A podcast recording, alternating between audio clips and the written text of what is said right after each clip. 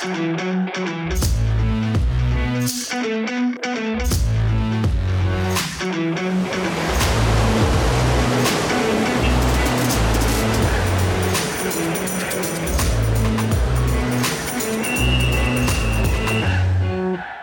Zdravo svima i dobrodošli u 151. epizodu podcasta Pod kapicom. Vrlo logično i očekivano, s obzirom na to i čime smo se bavili u prethodnim epizodama i u ovoj epizodi bavimo se um, uglavnom evropskim prvenstvom koje je nedavno završeno i u muškoj i u ženskoj uh, konkurenciji. Naravno, bit će tu i ostalih um, aktuelnih vaterpolo tema, a o svemu tome i ko zna još čemu vidjet ćemo tokom emisije. Razgovaram sa svojim dragim kolegama Pavlom Živkovićem i Dejanom Stevovićem koji je izvanično danas u ulozi gosta gosta, hoćemo tako da kažemo, Pavle. da, da, Ovo, pošto smo ti ja više domaćini nego, da. nego on.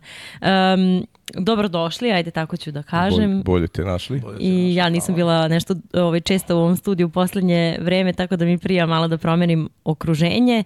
Uh, Pavle, s obzirom na to da smo Dejan i ja bili uh, više pored bazena nego po studijima u poslednjih 15 dana, da krenemo uh, onim što smo tamo doživjeli, ja bih to tako rekla. Pa mislim da I da to ide, ja, damo, da. da. ja bih i volao da vas dvoje onako više pričate o nekim svojim impresijama, ja ću da. ovaj nekim svojim ovaj da iz kabine da delim s obzirom da, da. sam od 48 utakmica na evropskom prvenstvu 32 komentarisao tako da nije, nije, ti da pričaš. Nije mi loš prosek. Da. Nije mi loš prosek. Svak, svako će iz svog ugla da, da, da, ovaj, da, neke, da. neka svoje iskustvo podeli. Ali evo prvo Dejanu da damo neku uvodnu reč. Uh, vratili ste se iz Zagreba. Pre koliko? Ko kad je to prvenstvo završeno? Da. Dan posle prvenstva smo Dan posle finala, da. da, da. Uh, neki generalni utisak, pa ćemo onda o, o detaljima. Pa generalni utisak je da s obzirom da se zna šta je sve prethodilo prvenstvu, muke oko organizatora, traženja načina da se prebrodi ta kriza oko Izraela, e, generalni utisak je pozitivan. Mm -hmm. Zagrebčani, ja nisam bio u Dubrovniku, Zagrebčani su to uradili jako dobro, za kratko vreme su napravili sve što je moglo da se napraviti sa tehničke strane u smislu organizacije, viđen je dosta dobar vaterpola, mada je za mene sve stalo u dve, tri utakmice, gde ne računajući našu utakmicu sa Mađarima, istako bih duel Italije i Španije i finale. To su bile utakmice koje su praktično obeležile čitavo prvenstvo. Sve ostalo je bilo po, ovaj, po očekivanju i s tom razlikom, za razliku od ranijih takmičenja, da je bio taj novi sistem, gde je Srbija imala taj peh da krene iz te druge divizije, što se na kraju ipak osetilo i Ostaje da se analizira koliko je taj sistem dobar, koliko nije, ali za nas je bitno da smo ga prevazišli, jer da u Beogradu za dve godine igramo opet iz neke druge lige, to bi bilo tragično. Mm -hmm. Da. Pavle, hoćeš ti sa pa, hoću vezano, vidim da si... Pa ne, vezano za sistem, ovo, ovaj, ovo što je pričao Deki, to mi je zanimljivo, pošto ja sam pričao u prenosu, meni se sistem dopada, mm -hmm. sistem ko sistem, s tim što ovo, ovaj, nije dobro što je Srbija bila u toj drugoj zoni, jer tamo ne pripada, jer interesantnije je i meni, a i verujem i svima da gledaju utakmice sa rivalima koji su izjednačeni. Mm -hmm. Jer mi pripadamo tom gornjem domu i ti od starta gledaš, recimo na grupu Dubrovnika gde je bila Hrvatska, bila super interesantna za gledanje. Svi mečevi su bili, pa možda nije, nisu najveće kvaliteta, ali, ali zanimljivi za gledanje. I onda i ta druga divizija, uh, sa izuzetkom Srbije i tu su mečevi imali neku neku draž rezultatsku jer jer stvarno je ono znaš na nekim prvenstvima ovaj imaš mislim to imaš u svakom drugom sportu ali mislim da vaterpolo s obzirom na, na neku gledanost i mora da teži nekim inovacijama.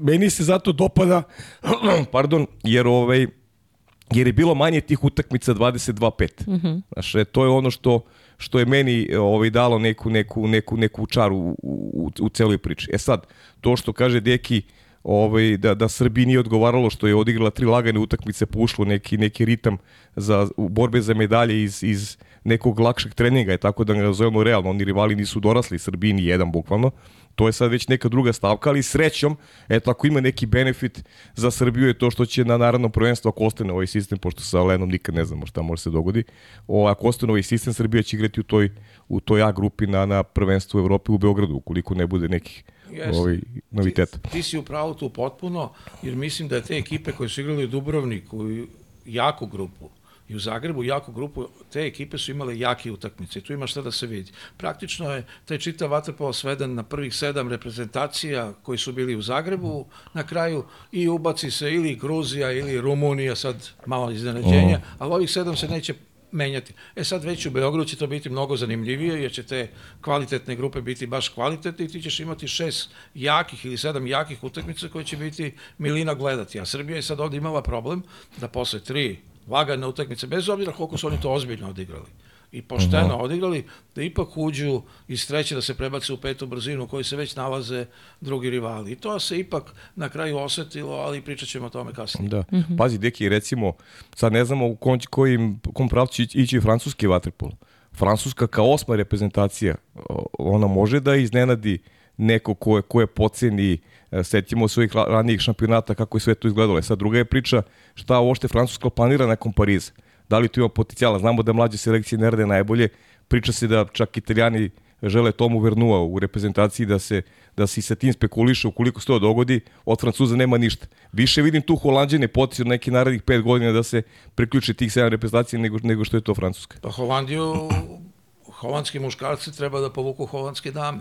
Mm -hmm. Da. Kako to čudo da, da. ali kad su one prvakinje sveta i Evrope, onda muškarci moraju da se podignu. Ja sam više očekivao od njih -huh. sada, ali ovo što ti kažeš, Francuzi, to je sve, zavisi kako se budu predstavili u Parizu. Ako oni u Parizu budu bili vreće za udaranje, što može da se dogodi, mm. onda tu više, vratit će se oni tamo gde su bili godinama. Ako mm. napravi neki rezultat, onda možda ima šanse da ostane. Ali kažem, i oni su pripadali toj osmoj reprezentaciji. Znači oni, da. Rumuni, Gruzija sigurno više ne, mm. jer ovo nema šanse da ostanu, Holandjani da se pojave, i da čekamo povratak Rusa. Nemamo da. pojma kako oni mhm. igraju, gde su, šta su, šta rade, pa da vidimo kako to izgleda. Bravo, I, to i, I to i u ženskoj konkurenciji. I u ženskoj, da. Mm. Pa dobro, nadovezat ću se malo i na ženski turnir, uh, s obzirom da smo spomenuli i, i Holandiju. Uh, ja sam sa trenerima razgovarala mahom do duše i sa pojedinim igračicama o tom novom sistemu. Uh, I treneri, rekla sam to već i u nekom od studija naših, e, treneri vole ovaj novi sistem. Vole odmah da vide gde su, vole odmah da se uđe jako u turnir, e, ne vole da imaju mnogo, ako to bude i jedna utakmica koja će se završiti 22-5, to je okej, okay, ali ne vole da budu sve tri takve i tako dalje. Međutim, negde tu, kao što je Srbija možda u muškom, turna, u muškom turniru bila negde uh, tamo gde ne pripada, uh, negde tu recimo Hrvatska kod dama upala isto negde gde ne pripada, odnosno u tu grupu smrti. I onda mi nismo videli na, na toj grupnoj fazi uopšte Hrvatsku kakva jeste, jer jednostavno nije imala šanse u toj grupi. Uh, I za uh, Hrvatsku je prva realna utakmica za koju se pripremala bila Srbija. Tako da možda, eto, uvijek će ostati jedna ekipa, jedan trener ili, ili dva tima da, da su možda nezadovoljni tim sistemom ili da će biti na neki način žrtve tog sistema. Ovaj, ja sam negde bila baš onako kritičar toga dok sve nije počela, onda kad je počelo i kad sam videla da utakmice stvarno izgledaju malo drugačije i da je drugačija atraktivnost te prve faze i da se drugačiji ljudi uh, okreću tome, uh, onda mi je postalo jasno zašto se uopšte probalo i zašto je došlo do toga. Uh, kada je reč o ženskom turniru, Holandija mi je glavni utisak u svemu, u smislu svega i organizacije, pre svega kada do, smo došli tamo uh, i toga koliko je uh, lokalni organizacioni odbor, moram da kažem, pomogao Lenu da sve teče kako treba. Uh, i gde je možda i bilo nekih sitnih problema gde su odmah reagovali da se to čak ni ne primeti toliko. Ovaj, mislim da su Holandjani u tom organizacijonom smislu jako uticali i na Len da se stvari zategnu pre turnira koliko god malo vremena imali, opet moramo kažemo manje od dva meseca sa sve onim prazničnim uh, odmorima kratkim. Stvarno mislim da su svi bili na velikom ispitu, tako da ako nešto nije valjalo ili nije stiglo na vreme da se odradi, ne možemo baš toliko da im zamerimo i da ih kritikujemo. Ja sam imala priliku da negde više sada na ovom turniru ženskom budem uh, na jednoj drugoj strani, odnosno više na ovoj strani organizacijalni, s obzirom to da sam imala jednu saradnju sa Lenom koji sam ja prva kritikovala često u ovoj emisiji ovaj, i sad mi je postalo jasno kako izgleda organizacija turnira od ujutru do uveče i na čemu se sve radi. Uh, jedna stvar koju moram da kažemo ljudima iz Lena, stvarno ljudi rade, dakle nema onog uh, sa strane druženja, ispijanja kafa i da mi sad sednemo ovde kritikujemo i mislimo da nisu ovaj, uradili neki deo posla, uh, ali se stvari istina odvijaju sporije nego što bismo mi, mi to želeli. Da se vratim na Holandiju, u vaterpolo smislu, u ženskom vaterpolo, vaterpolu uh, apsolutno mislim da nijedna reprezentacija ne može da im parira osim Španije, koja je to pokazala u finalu, ali ovo je jednostavno bio njihov turnir, ceo, od početka do kraja i u smislu publike koja je sjajna. Nije to bila neka atmosfera koja će nas da zaseni, nas jeste, jeste teško zaseniti, ali je bila uh, bila posećenost i interesovanje ka ženskom vaterpolu koje mi ne možemo da zamislimo. To mi je glavni utisak gde se dolazilo uh, utakmicu ili dve pre utakmice Holandije, ostajalo se na utakmicama posle Holandije, bazen je bio pun ljudi, ljudi jednostavno žele da gledaju utakmicu Grčke i Mađarske njih to zanima, njih to istinski zanima mm. i ostaju do kraja i učestvuju u igri i reaguju na sudijske odluke i, i tako neke stvari koje mi ovde možemo da zamislimo recimo samo u nekim popularnim i to muškim sportovima. Ovaj, tako da to mi je onako glavni utisak. Uh, kolega Stevović mislim da zna bolje od mene, ali kada je reč o uslovima na bazenu i na celom kompleksu, uh, mislim da i, i veliki deo vaterpolista ne može da se pohvali uh, igranjem na boljem bazenu od ovog na kojem, na kojem su igrale dame na ovom turniru. Ovom uh, Hugenbandu da? Da. da, to je vrhunski bazen. Da. Samo što ono što sam ja malo uspeo da vidim, oni su napravili tribine gde god je mogo da se napravi, Jest. a 2012. su sa uh, velike bočne tribine, to su bili kafanski stolovi, mm -hmm. kafići. Mm -hmm. Praktično ti si mogao da jedeš, gledaš utakmicu, mm -hmm. uživaš. Kapacitet je bio mali, pres centar je bio izdvojen. Mm -hmm. Potpuno u drugoj prostoriji, sad ne znam kako je bilo. Sada je bio tu gore, iza jedne od tribina, pošto su stavili montažne tribine iza golova. Ali je potpuno ovaj, ista konstatacija bila i 2012. i sada, da li možda zbog manje kapaciteta gledališta, ali uglavnom tribine su stalno bile pune. Yes, da. I uživali su, bez obzira što Holandija je onda pokušavala nešto da uradi, više i ne znam koji su završili, nisu uspevali nešto, Bog zna šta da budu, mm -hmm. ali je ta ljubav prema Waterpolu tamo bila dominantna u svakom pogledu, pogotovo što je bio januar mesec. Mm -hmm. I nije bilo drugih nekih događanja velikih, to su dolazili, dolazili, bilo je stvarno uživanje, pogotovo što je Holandija to ti sad bolje znaš, prelepa, organizovana, da. snažna žena, zemlja da. i tako. Da, ovaj, i, i kada je reč o muškoj reprezentaciji Holandije, uh, mislim da oni u nekoj možda i dalje, mi sad pričamo o olimpijskim igrama kao nečemu sledećem velikom i o tom svetskom prvenstvu, a to su stvari koje su jako blizu. I recimo, moj, moje neko mišljenje po, po onome, po iskustvu koje svi znamo kada je reč o francuskim timskim sportovima, nekako Francuzi uvek čekaju da prvo dođe neki prvi rezultat, pa da onda još malo pomognu ekipu, da ulože, da postave stvari, da postave drugačiji sistem.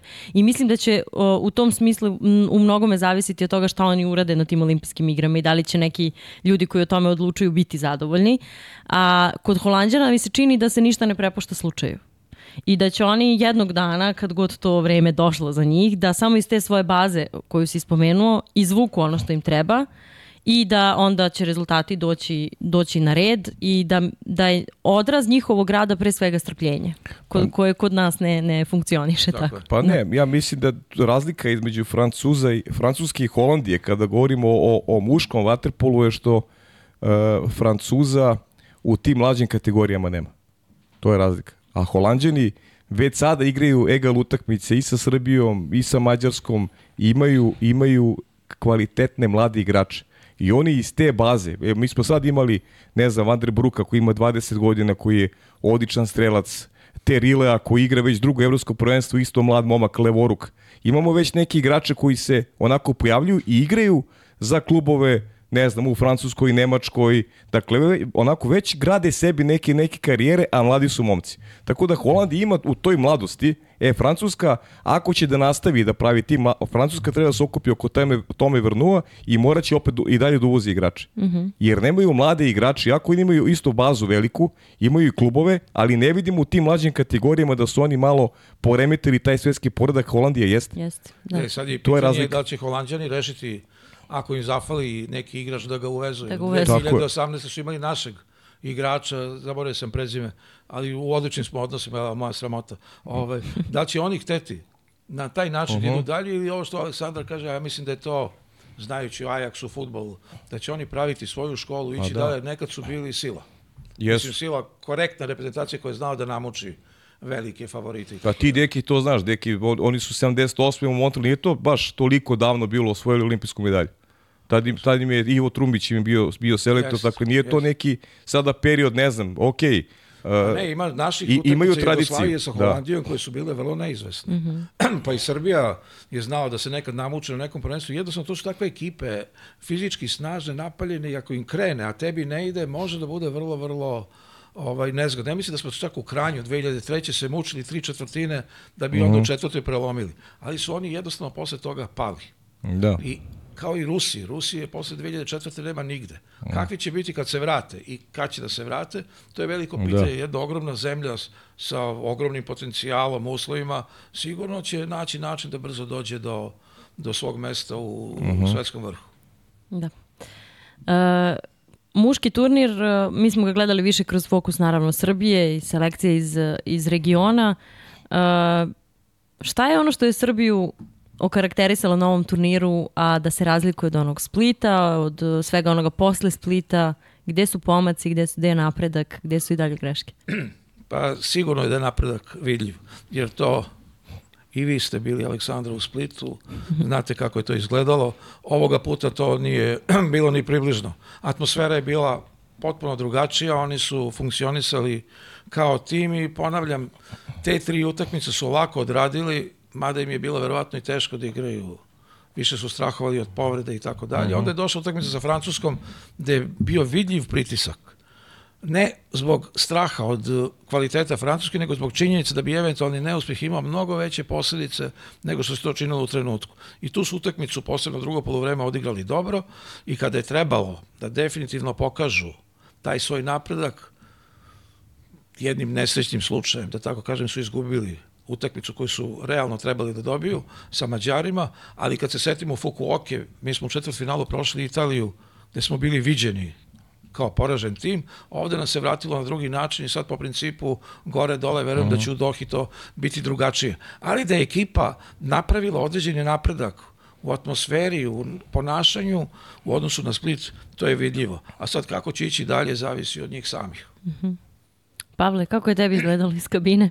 Pričali pa ne, smo malo ja sam, o tome. Ja sam onako bio malo i iskreno, ovaj, to se moglo čuti i, i kroz komentar, onako bio sam, a ne, neću reći razočaran, ali očekivao sam pobedu protiv, protiv Mađarske. Protiv ovake Mađarske mislim Misli, da... Misliš na, na, na to da se reši drugačije, a ne, ne da se pa stigne da, do peteraca? Pa da, mislim da, znaš, sad pričati o petercima i kako je Marku ispala lopta, mislim, to je sad već, mhm. -huh. znaš, kad već dođeš do, do toga, opet peterci jesu i koncentracija, kvalitet, to stalno pričam, ovo je, ovo je srpskom timu od, u nekom periodu od poslednjih 15 godina drugi put da je, da je izgubio na peterci, jednu važnu utakmicu. U, u Budimpešti da. 2020. Španije, protiv da. Španije.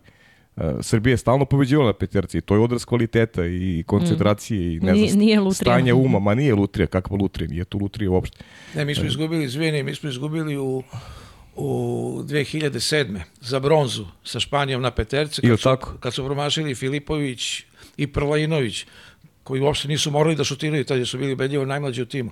Ali se posle toga vraćalo, to je 2009. Jest. Jest, da ne da. pričamo jest, daj, 18. Hvala, ali, da. ali u principu su peterci uvijek bili naš adut. Jesu, jesu, da.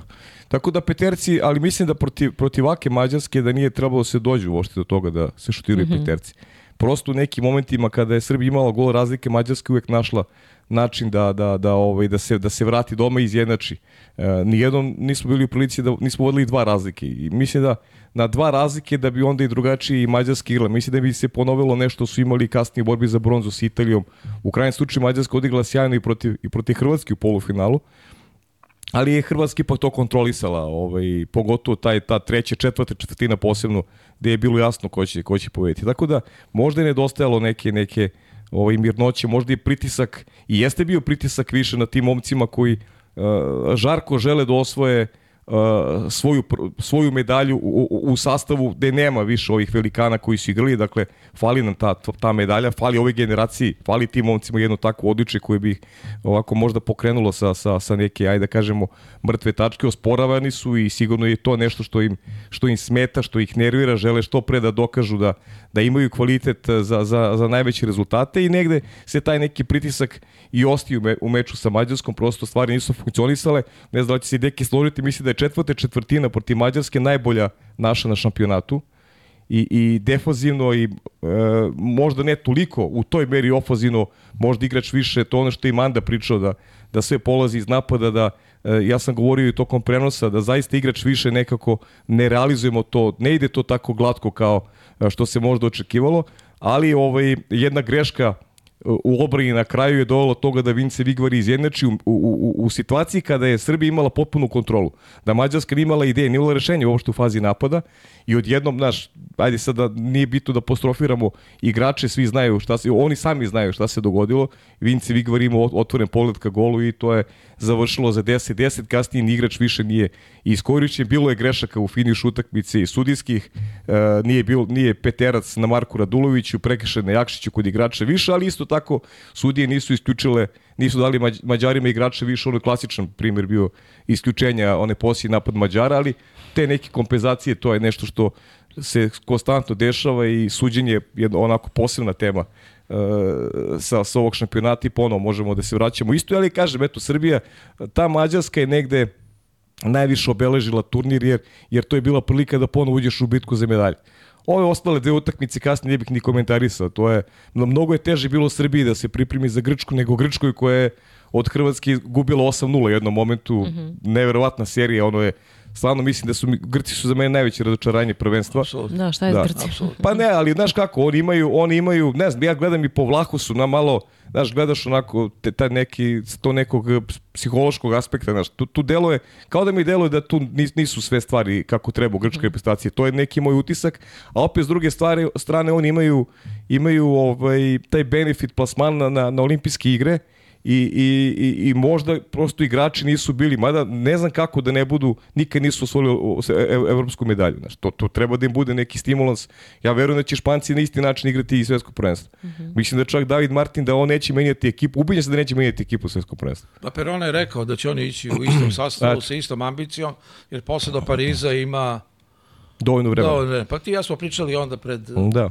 Da, su, da su Grci među favoritima baš zbog toga što nemaju Tako je. zlato. Mm. Ali ni Španci nisu imali nisu zlato, zlato i oni su odigrali to maksimalno na jedan način koji će se pamtiti. Stigli su do, do prvog mesta zahvaljujući istorijama Granadosa, ali i kompletne da. ekipe i poteza Martinovog na početku poslednje četvrtine kada promeni golmana koji je pre toga bio Just. junak dana. Oni, oni su zbunili Hrvate. Da. Hrvati su imali ogroman pritisak. Yes. I ja sam ubeđen da u pet utakmica na neutralnom terenu Španci dobijaju četiri. Ako ne i svih pet. Ako ne i svih pet. Tu, jer Hrvati nemaju takvog vođu kao što je Perone. Mm. Perone igra 29 minuta. Oni to nemaju, njima je igrač u finalu, sad pričamo o finalu već možda je pre vremena. Nema veze. Čovek sa četiri gola bio Bukić koji je do tada dao tri pogotka samo. Jeste Luk odigrao sjajno. Tako je, odigrao sjajno. Ovi su drugi svi bili zaustavljeni i da je bilo, kako, ajde, prema onome što se vidi u bazenu, Španci su mogli mnogo ranije u poslednjoj četvrtini da naprave taj preokret. Ovi su jednostavno pali. Da li je Tucak trošio vreme, da li se i on pogubio u čitavoj toj priči, jer on prilično emotivno sve to doživljava. Hrvati su celi dva iz dva. Zlato mm -hmm. i olimpijsku visu. Ja. Dobili su srebrnu medalju koju su mediji dan kasnije posvetili ogromnu pažnju i tretirali ga kao veliki uspeh, manje apostrofirajući način na koji su izgubili dobijenu utakmicu. Oni su u stanju bili da to srebro predstave kao zlatnog sjaja i sigurno je medalja veliki uspeh, ali opet moraju dohi i ovo nanovo da bi izborili učešće na olimpijskim igrama. Da, meni je, znaš šta, moj utisak, ja, ja sam i u prenosu sa, sa Jogijem, ovaj, sa Milošem Vukićevićem, rekao da bi Hrvatskoj moglo da se osveti ta pasivnost ovaj, u, da. u, u napadačkoj igri. Da, to ono je stvarno bilo neverovatno. Ovaj, Hrvatska iz pune kontrole je, je došla do toga da, da izgubi utakmicu. Um, ušao je Lorio, koji, Lorio imao jednu odbranu. Yes. Oni su trošili vreme. Trošili su vreme nadajući se da će u posljednjim sekundama nešto da naprave. Ali, Španska obrana je sjajna. Da, ali osetio si moment kada Španci to prepoznaju.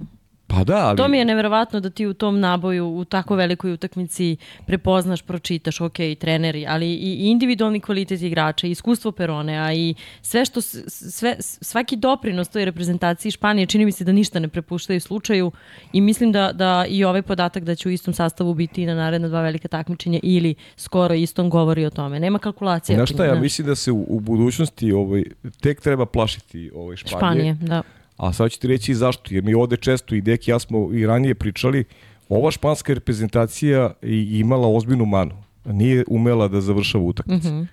Španija i to jedno zlato koje je osvojila, dobila ga je nakon 9-6 protiv Italije i, i, i ozbiljno, ozbiljno su popustili u finišu, Italija i došla na 9-9 i Fulvio štirao za pobedu, tek na peterci je Španija slavila u tom meču s Italijom. Kanela mašio da dva penala. to, da. Kanela nije mašio dva penala u karijeri, tada je promašio dva penala. Tako da, umeli su Srbija u Tokiju, pa ne znam i ta čuvena Mađarska 2020. godine, ja stalno govorim momcima, Srbija ta primila jedan gol za drugo po vreme. Utisak je bio da, da se igra još dva dana da Španija ne bi dala gol. Mm. Prosto Srbiji, napad Srbije nije funkcionisao tada Pa u nismo imali Budimpešti. centar tad. Da. Da, ni, Bolesni bili, Tako, i ni Pjetković cent, i Vica. tako je, ni centar nismo imali. Tako, za, e, Španija nije znala da završi utakmicu. Sada je prvi put dobila utakmicu iz potpuno izgubljene situacije 3-0 napred četvrtoj četvrtini protiv rivala koji se pogubio toto. Ja to zvarno, zaista nisam očekivao od Hrvatske. Ali zašto imaš jedan drugi štos koji zaboravljamo? Hrvatska je do 10-8 došla u poslednje minutu treće četvrtine sa dva gola. To psihički tek ubija. Da, bravo. Protivnika Da, da. koji se izmorio da stigne onih 6-3, ne znam nijako Tako je bilo. 6-3, dakle, tako je. E, ovaj, znači, već imaju psihološku prednost sa svoje strane. I trebalo je samo ajde da kažem, kockati se, rizikovati, ići na jednog igrača više, na dva igrača više, Tako je. dati gol. Međutim, to nije. Ali, znaš, kad priča sa hrvatskim novinarima, da ih sad ne pominjemo, Da. oni pominju Dubrovnik. I pominju izbor Tucakov koji je utakmicu sa Crnom Gorom, kažu, pustio.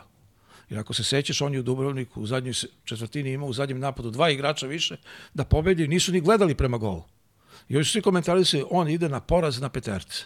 Da bi imao lakši put do finala, smatrujući da u onoj atmosferi koja je stvarno bila izvanredna na bazenu mladosti, ne može da izgubi utakmicu protiv bilo koga.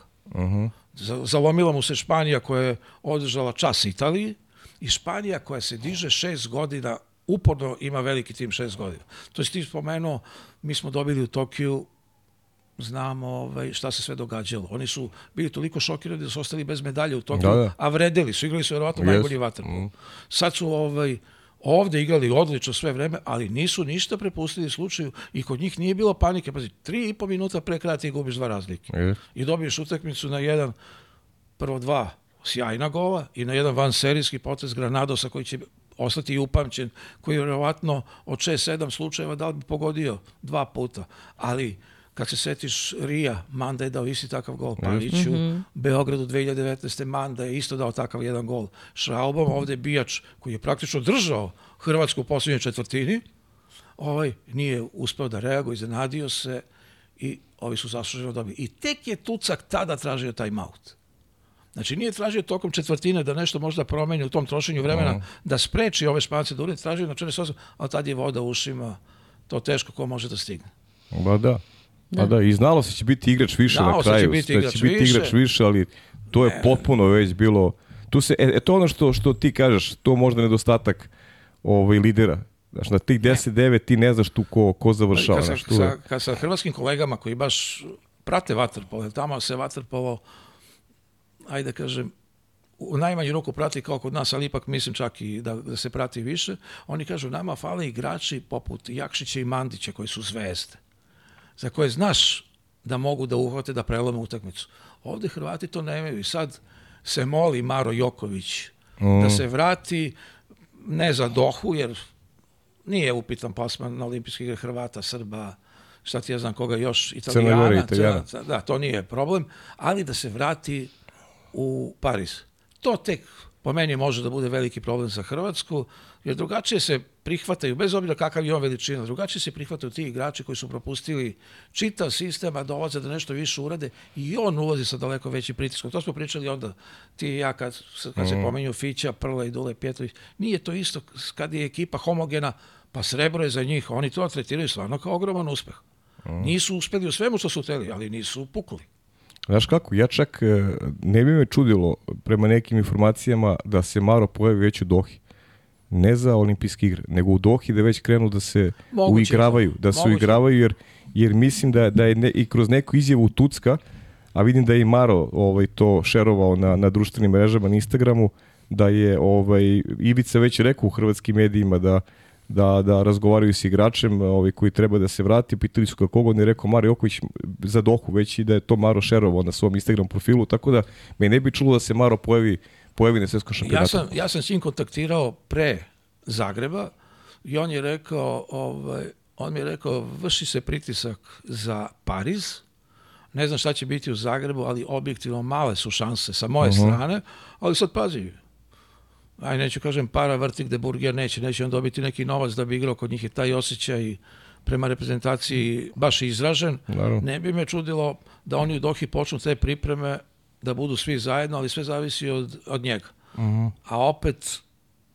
način na koji je Tucak izgubio utakmicu, ipak u tim novinarskim krugovima sa strane gledajući se smatra velikim promašajem. Uh -huh.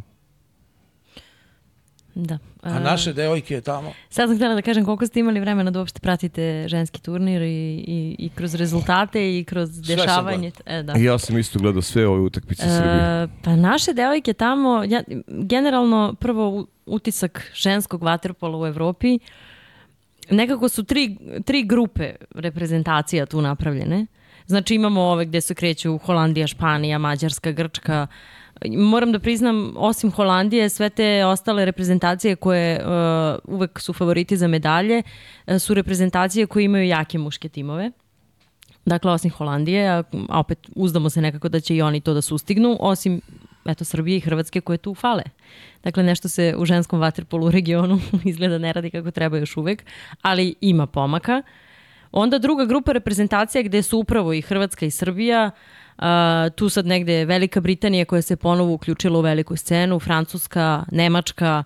To su sve reprezentacije sa kojima mi igramo neke gale, Turska, eto recimo koju smo... Izrael. Da, Izrael koju smo dobro upoznali i pre ovog svetskog prvenstva jer su igrale devojke sa njime. Imamo tu grupu koja je još uvek daleko od svih, uh, ne znam, Slovačka, Češka, Bugarska, Rumunija, Sve su to ekipe koje tek treba da se uključe u neke veće stvari kada je reč o, o ženskom vaterpolu. E, što se Srbije tiče, moj utisak da ima e, velikog pomaka u odnosu na Split, što valjda jeste bio glavni cilj, da u njima vidimo neki napredak. Ekipa se jeste promenila u odnosu na tada, već smo pričali o tome da neke devojke fale, tu su mlađe devojčice, maltene od 15-16 godina, koje proživljavaju neka prva velika iskustva uh, igranja velikih takmičenja, što je opet jako dobro za budućnost.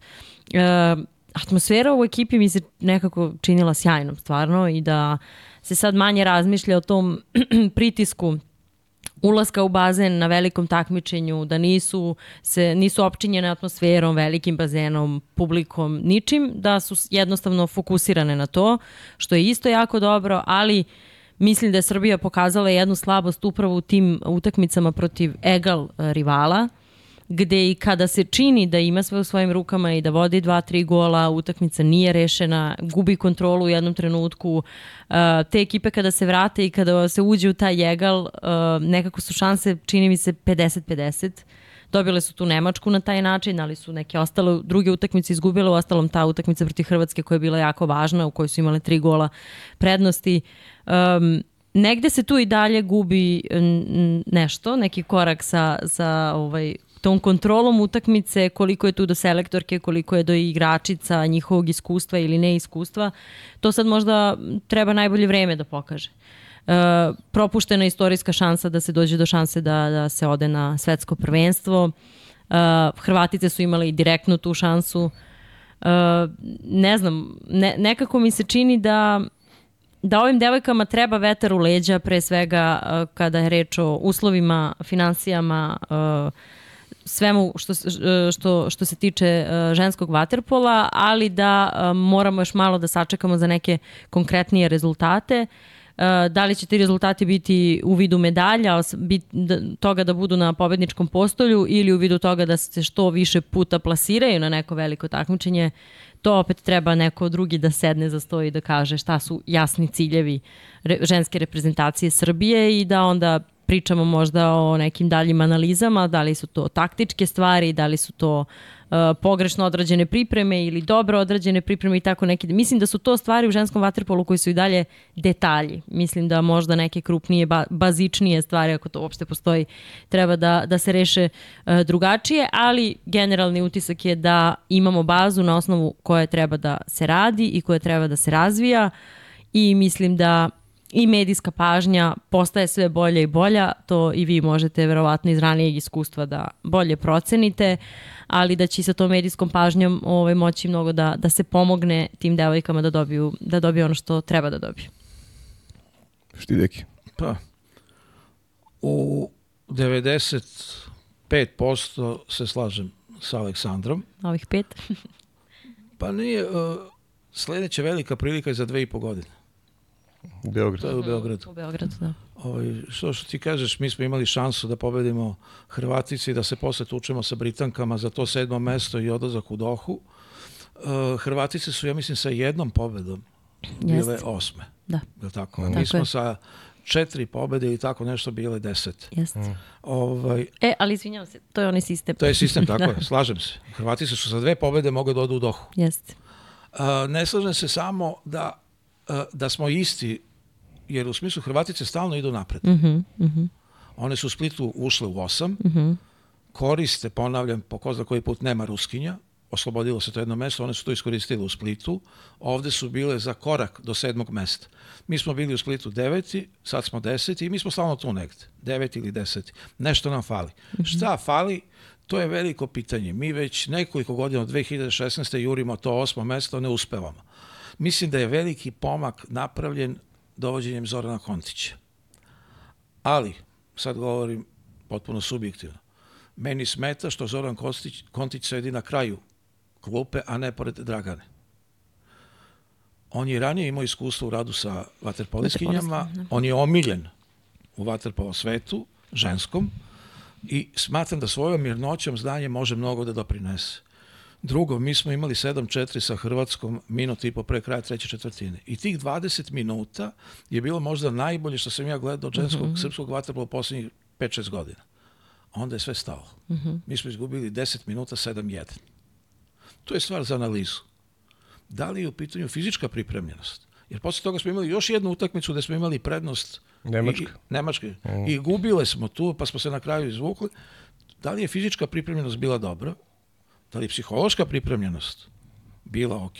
Da li su mlade igračice dobile, dobile previše prostora? Da li su one bile te koje rješavaju? Srbija sada ima jednu veliku igračicu.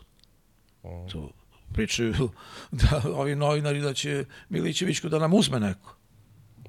Ima, I ako nju zatvoriš, ti dovodiš u problem. Nema više Jelene Vuković, nema Lare Luke, nema Nađe Novaković. One se neće ni vraćati više sigurno. Šta će od ovih devojaka da ostane za dve i po godine bez takmičenja?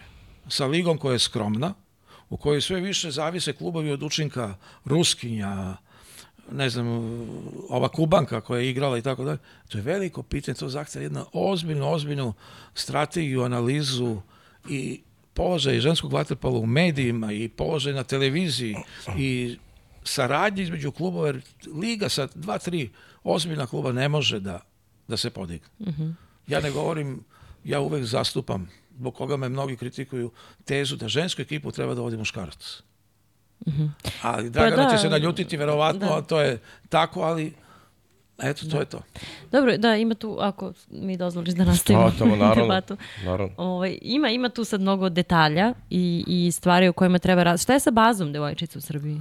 Je li to neki odraz budućnosti? Pa ne, ajde da pogledamo Mislim, biltene kad smo već kod Kubanke Tako koja igra protiv koje nemamo apsolutno ništa, samo uh, u svim sportovima se debatuje o naturalizovanim igračima, Sve pa hajde onda i u ženskom vaterpolu okej. da ne propustimo A, priliku ali da li je Kubanka ta koja će nama da da napravi, napravi razliku? razliku. Da. Da, da, da li je ona to? Ili koga mi imamo da možemo da ponudimo? To je bila je, suština. sad, bila je pre 3-4 godine neka ideja da je jedna strašna uh, zove se D, uh, Danny Wilson, tako nešto, koja je srpkinja porekla. Ona je morala da provede u Srbiji određeno vreme, družila se sa našim igračicama, igra za srpski klub, ali ona klasa. I nemoguće očekivati od nje da će ona da napusti svoje mesto gde je tad bilo u Španiji, da dođe da igra za nas. Imali smo jednu odličnog centra u Americi, koja je igrala na juniorskom svetskom, ali nije prihvaćena. Tom prihvatanju su doprinili i roditelji. Ne prihvatanju su doprinili i roditelji, koji se ne pitaju mnogo, ali čiji se glas čuje i imaju određeni pritisak na igračice, na trenere i tako dalje. Mnogo je tu detalja. Mnogo da, je tu da. detalja. Ali sad ovo što ti kažeš baza. Pa, ajde da analiziramo koliko imamo klubova u Srbiji. Mm. Imamo jednu sentu koja dolazi sa dva automobila na utakmice i sedam igračica, osam u vrh glave. U mlađim kategorijama četiri, pet ekipa koje se pojavljaju svuda. Ja čak mislim da se Vojvodina i ne pojavljuje u svim kategorijama mlađim, a najbolja ekipa u državi. Znači, ogroman je problem. Veliki je problem i od rada sa mlađim igračicama. Ko radi tu, kako se radi, gde igraju, da li je ta Dunav Liga rešenje za nas ili neko drugo takmičenje. Evo ovaj Challenger Cup koji je održan prvi put nam je gotovo doneo do pobede. Zvezda je igrala u finalu, Vojvodina je izgubila, mislim, na gol razliku u svojoj grupi. Tako da nekih šansi ima. Štete što nismo bile devete, pa da kažemo, ok, odbranili smo poziciju iz Splita. Ali je glavni problem tih 10 minuta sa Hrvatskom, koja je pre šest godina bila naša mušterija, a sada je IHH ipak iznad.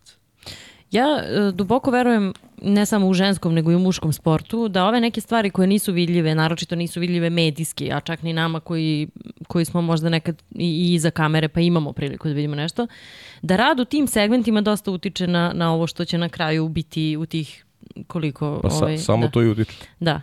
I ovaj I sad ne bih pravila veliku razliku između devetog i desetog mesta u tom rezultatskom smislu i plasmanu jeste da zvuči kao da smo nešto nazadovali i tako dalje, ali negde e, mislim da su se neke stvari pomerile. Opet mislim da se nisu pomerile u tom smislu sistemskog rada, da se nisu pomerile po redu. Ne znam kako bih to rekla. Možda smo e, negde neke stvari požurili da predstavimo da su napredovale, a neke možda bazične preskočili. Ovaj, e, tako da to je onda pravo pitanje da se vratimo par koraka, neko, boga mi dosta koraka unazad i da poradimo na tim stvarima, na tim uslovima bazičnim dolazaka na utakmice, funkcionisanja, dnevnog funkcionisanja klubova, koliko su oni u dugovima, da li su u dugovima, zbog čega, u Pa kakvim to, to, je, uslovima. to je pitanje za Da, savez. da. Dakle, savez, klubovi zajedno, ali nekako, mislim, to je sad jako teško i stalno pričamo o tome da rade u istom smeru, da nema nikakvog takmičenja tu između ko je bolji, ko je gori, nego da nađu jedan isti put, šablon po kom će funkcionisati stvari. Ja znam, ja, ja sam tek sad u stvari uočila koliko je to drugi svet, ali jedan od primera funkcionisanja tog vaterpola ženskog u Holandiji Uh, je i to da su devojke uh, završile grupnu fazu, kako su završile, ali su i pre nego što se znalo kako će završiti grupnu fazu, uh, zakazalo vreme okupljanja medija i svih igračica i to je njihov takozvani media day, briefing ili kako god ga nazvali. Postoji soba za to u okviru bazena, jedna prostorija, gde dođu svi novinari koji ranije zakažu šta im treba od medijskih aktivnosti da snime, da urade, da se ispričaju sa devojkama ko im je potreban za te intervjue i tako dalje. Tu su dva PR-a reprezentacija koji sve to prate, imaju spisak igrača ko gde, kod koga, u koje vreme ide na intervju. Obiđe se jedan čitav krug sa tim devojkama, ispričaju se priče, snime se razgovori i ja vidim u njihovom prihvatanju da je to njihova, njihov deo posla. Da one... Čiji? Igračica. Apsolutno. Da po one su- posle treninga dođu tu i Tako je, to... one su svetske prvakinje. Jeste. Jeste to. A ti kod nas, ajde da pogledamo, da pitamo Draganu, koji je od medija dolazio da prati njihove pripreme, Da. koje su igračice bile u javnosti sa davanjem izjava šta se očekuje tamo, odgovor će biti niko nikad. Da, da. Da, da. Ali mislim da je zato potreban, ajde da kažem, jedan ženski sabor. Da sedu svi oni koji su zainteresovani i da počnu da pričaju, ej, ajde da uradimo nešto. Mm -hmm. Pre jedno 5-6 godina je na SOS-u bio skup svih klubova, dižemo reprezentaciju, zajednički dogovor i tako da. Nešto mora da se uradi, mm -hmm. ako hoćemo. I onda gledam po tome e, teme koje one obrađuju međusobno, sa novinarima, sa ljudima iz kluba, tim ljudi koji radi oko njih, da oni za ne znam jedno prvenstvo veliko angažuju posebne psihologe koji će raditi sa njima gde se priča o temama, mislim, koliko, hoću da kažem koliko su te teme sad uopšte nama nedostupne u smislu da mi ni ne razmišljamo o njima, gde se priča o, jednoj, o jednom ogromnom broju ženskih tema, problema koje one mogu da imaju tokom prvenstva, kako da igraju pod tim problemima ženskim, um, koje mogu da igraju sa tima, koje ne mogu, kako prihvataju to, na koji način se bore, preko, mislim, milion nekih tema, što tehničkih, što, što psiholoških priroda, kako da prevaziđu takve Jesmo stvari. imali lekara tamo? Uh, čekajte da ne pogrešim, sad jako je bitno. Mislim da ne, ali nek nas ispravi neko iz Saveza. Mislim da ne. Da, Mislim, nisam da, sigurna, neka mislim, nas... imaš, da. Ima ona rečenica, smo pa i ja pričali, ona Grkinja što je bila u Zvezdi, ona je rekla da srpski vaterpoliskinje vaterpolo shvataju kao razonut. Ana Mamoglu je bila Ma gost. tako da. je. Tako je, a, Ovaj. ovaj, a ovo su sve profesionalci. Jeste. I baš kad smo kod Ane, ovaj, ona i Vanja su bile zajedno ovde kod nas u studiju i ja sam s njima malo otvorila tu temu, žen, žensku temu u sportu, naročito kada je reč o vodenim sportovima, gde jako ume da bude nezgodno to sve što se njima dešava tih sedam dana, gde su oni meni tada rekle, Pa nas često muški treneri bolje razumeju sa tim problemima nego ženski. Eto, onda je potvrda moja. Da, Da. to sam htjela da, da zatvorim. Pa ne samo Ovaj. to. Ali ovo ti nije imaš- atak na Draganu. Nije, nije, je naravno. Ne, ne, ne. ogroman posao. Ne, ovo je, Ne, pa ajde Dra- da, da ne, pomognemo Dragana je- svi. Tako, koji Dragana je. Dragana je entuzijasta, Neviđen. žena koja voli vaterpolo i koja se, koja se time bavi. Da li to može bolje? Pa vjerojatno može bolje. Trebaju tim ljudi da bi to moglo bolje. Da, ali sad Znaš, to je- opet moram da istaknem kad smo već kod Dragane, sjajna atmosfera jedna vlada, vlada među devojkama, a to je nešto što, bar po mom mišljenju, ne može veštački da se predstavi, da, mislim, to se jednostavno vidi. Kao što smo mi u Splitu znali da ne funkcioniše nešto dobro među muškarcima u timu, sada znamo da li funkcioniše dobro ili ne. I to je jedna takva, takav entuzijazam, takvo bodrenje, takvo učestvovanje sa klupe, to svi igraju, svi daju instrukcije, svi pomažu i tako dalje. Mislim da je Dragana veliki doprinos dala tome i da, da i, i ona ima poverenje u devojke i da ona imaju poverenje u nju, a sad neke te stvari očigledno moraju da se prevaziđu, prevaziđu na jednom višem nivou u smislu da svi zajedno rade na tome i da nema nikakvih između, ne, između glavno- zle krvi nikakve. Glavni problem je kako iskoristiti ove dve godine. Da, Pa da. da. A kako napraviti turnire, turneje, pripreme, da ne bude sve sa mađarskim klubovima, napraviti jedan turnir u Beogradu ženskih reprezentacija da ćemo dovesti jednu Aždaju od Španije i tako dalje, staviti Hrvatice i odigrati jedan turnir da se zna da to ima neki tretman, da devojke vide da o njima neko misli. Ovako sada terati malu Radonjićku koja je potencijal ili ovu drugu Tijanu Lukić ili ne znam nija koga još, da čekaju još dve godine, a tako što će trenirati u Zvezdi jedan put dnevno u ladnoj vodi, pitaj Boga sad za- sa ovim problemima bazena u Beogradu, mnogo njih može da se otisne u inostranstvo, na studije, da mi tu gubimo.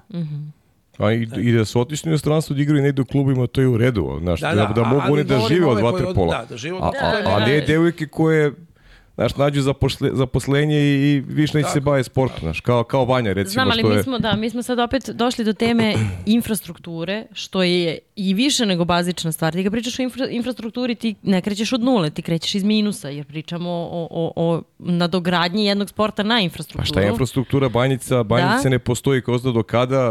Evo 25. maj počinje takođe da se renovira bazen. Ti, ti Da. Beograd koji je metropola ima, ima jedan i po bazen funkcionalno. A svetske prvakinje ili finalistkinje evropskog prvenstva ukupno gledano pričaju o psihološkim stvarima, one već rade uveliko na tome i, i idu dalje. Mislim, tu smo mnogo daleko. Mnogo. Pa jesmo, to nije sport. Ali su tu smo dva- daleko i kad je muški. Pa, Pa da, jesmo, da. Tako I, je. I isti Pa da. problem, isti problem imaju Crnogorci.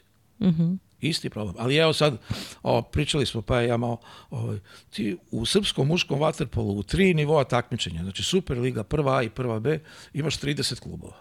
16 iz Beograda. Svi ti klubovi imaju neke mlađe kategorije. Imamo još 4-5 ženskih klubova. Da ne kažem penzioneri, što je jako bitno. Zatim građani, školarci, ovi koji hoće da se kupaju, dobro, koji hoće da plivaju. Gde da plivaju? A obećavano je, tu ne možeš da kriviš savez i ne znam ja koga, obećavani su bazeni, centri i tako dalje. Niko više ne priča o bazenima koji su propali u Vrnjačkoj banji. Gde će biti evropsko prvenstvo? Na kom bazenu? Koliko će bazena biti? Da će biti još nešto otvoreno? Evo mi sad smo pričali, e, ne znamo gde će biti ovo u junu ove godine. Ne daš Majdan. Na Tašmajdanu, jel? Da, da. Dobro, da. Znate šta, okay, Ok, to zato što plivanje Na može Tašmajdanu, da, da. funkcioniše. Da funkcioniše. aha. Da, da. Ali skokovi u vodu, opet mora se renovirati. Opet skokovi u vodu, ne da. mogu. Koji vodu ne mogu. Ali to će biti da daš Majdan, ali pa, o, evo, malo ću da privatizujem. O, Ja, ja idem u metropol godine već da se rekreiram. Mnogo ljudi je sa, koji su išli na plivanje na banjicu došlo u hotel u hotelski ovaj objekat da, da dolaze da, dođete. plivaju zato što, zato što nemaju gde da plivaju. Pa dobro, ne znaš svi recepcionare. Ne, O, da. znaš. Pa ne, pa da, to se, okej, se, to je, znaš, to je, Ma to, ali- platiš članarinu, ali, znaš, plivaju u metropolu. Zašto nema bazen, nemaju gde da plivaju. Nemaju bazene, nemaju tople vode. Nema tople vode, nema ništa. I sad mi hoćemo nešto da budemo, da uzmemo medalju. Pa Tako ne možeš ti sa, Želimo odgovor na pitanje šta se desilo sa bazenom iz Beogradske arene. sa, Pa nema. sa bazenom iz Beogradske arene. Da, pa nije kažem, pored autobuske stanice u Vrnjačkoj banji trune. Izlazi korov iz njega. Niko ne odgovara, opština nije tela da održava Da. to. Ko je to, znamo ko je donao odluku, ko je treba da odraži, to je puklo. Jeste. I To je na- to na- da. E, ali da ne bude to, da ne bude sad to je opravdanje, jer to je nešto sa čime vaterpolo živi, Živi, ma da, živi da. i živi i živi. I žive u pare vreme najvećih uspeha A da, i u pare vreme, se troši, da. onda su neki momci koji su upozoravali na to. Njima se to ovako stavilo im se na teret kao da daju političke izjave. A momci žele da pomognu sportu. Da, da. Znaš, jer ovde ti je sve, sve ubaciš, lako, najlakše ubaciš u politiku. I kao neko, neko guram, guram, pr- ne, on, ljudi traže bolje uslove. I ako to ne razumete, Vrlo ja, ja ne znam, pa poruka, prvo- da, da, potpuno jasna. direktno skroz. Potpuno jasna. Ovaj. Ajmo da ulažemo u infrastrukturu, a ne da ulažemo tako što ćemo, evo vam pare, pa dajte, podelite klubovima, klubovi. Mislim, znaš, šta imaš ti, recimo, jedan vaterpolo klub, sad, daj, nije bitno koji. Napravi sredstva i da napravi ekipu koja će se bori sutra da bude prvak Evrope. Pa, pa vate, šta- kao šta- sport ne dobija ništa. Ali šta ti, šta ti imaš od toga? Šta Da, da. ti imaš od toga ako ti imaš tu sedam stranaca u ekipi? Recimo, šta ima srpski vaterpolo neku duže staze od toga imaš sedam stranaca u ekipi? I osim ovoga što mi pričamo da je lepo gledati dobar tim u Beogradu, svake sedmice, svake druge sedmice, ti nemaš ništa kog- Pa ne, konkretno su, od toga. to je suštinski super, nemaš da, ali... ako iz te baze, Da. ako ti klinci koji tu treniraju nisu stimulisani tako da imaju dobre uslovi da, da, da rastu uz te momke i da oni jednog dana postanu da postanu Jeste, dobri igrači. da. Ja kad pogledam, evo ti imaš sa primjer Mađarske recimo. Evo ti imaš momke pa, pa ni- nisu toliko Mađari bili dominantni o, u tim godištima od 2002. do 2007. godine. E, Vince Vigvari, sad svi pričamo o Vince Vigvari. Pa Srbi igra egal utakmice sa Mađarskom da. posljednje, posljednje dve godine. Ali ti nemaš ti jednog igrača koji je, e, koji je tog doba koji igra za reprezentaciju u Srbiji. Ni blizu. Nije Da, da. blizu. A ti imaš Vince Vigvari kod je bio koji je ovde bio jedan od najboljih strelaca na turniru. Na turniru, da. Si šta da radi Žolt Varga sutra kad bude pravio ekipu? Čovjek više, on, on, on ima takvu bazu igrača. I onda mi očekujemo, pa mislim, znaš, mora budemo realni, ne, ne rađaju se generacije kao što je Andrijina, Fićina, Stefanova, Mićina, to se rađa jednom u, u, u 50 godina. A mi nismo radili ništa sistemski da, da, da, da oni dobiju adekvatne naslednike. Sistemski nismo radili ništa. I onda pokrivamo se tu sa, ne znam, to, to ko isto kao za devojke. Ovaj, je, meni su devojke napravile pomak. Jel znaš gde su napravile pomak? Izrael pre dve godine je bilo osam razlike, ovde je bila legal utakmica. Sad, u kakvo su te devojke stanju, s obzirom šta im se dešava u zemlji, verujem da im sport nije baš bio u prvom planu. Ti si pričao ovde, Hrvatska je ovde u pripremnim utakmici Srbiju pobedila lagano. Lagano pobedila. Srbija ovde igra legal utakmicu sa malo više sa nekim iskusnim igračicama, sa možda boljim i vođenjem, zašto ne reći, možda i Dragana tu ima neku odgovornost svoju, što ta utakmica nije išla u, u nekom drugačijem pravcu sa, ne znam, to je sad...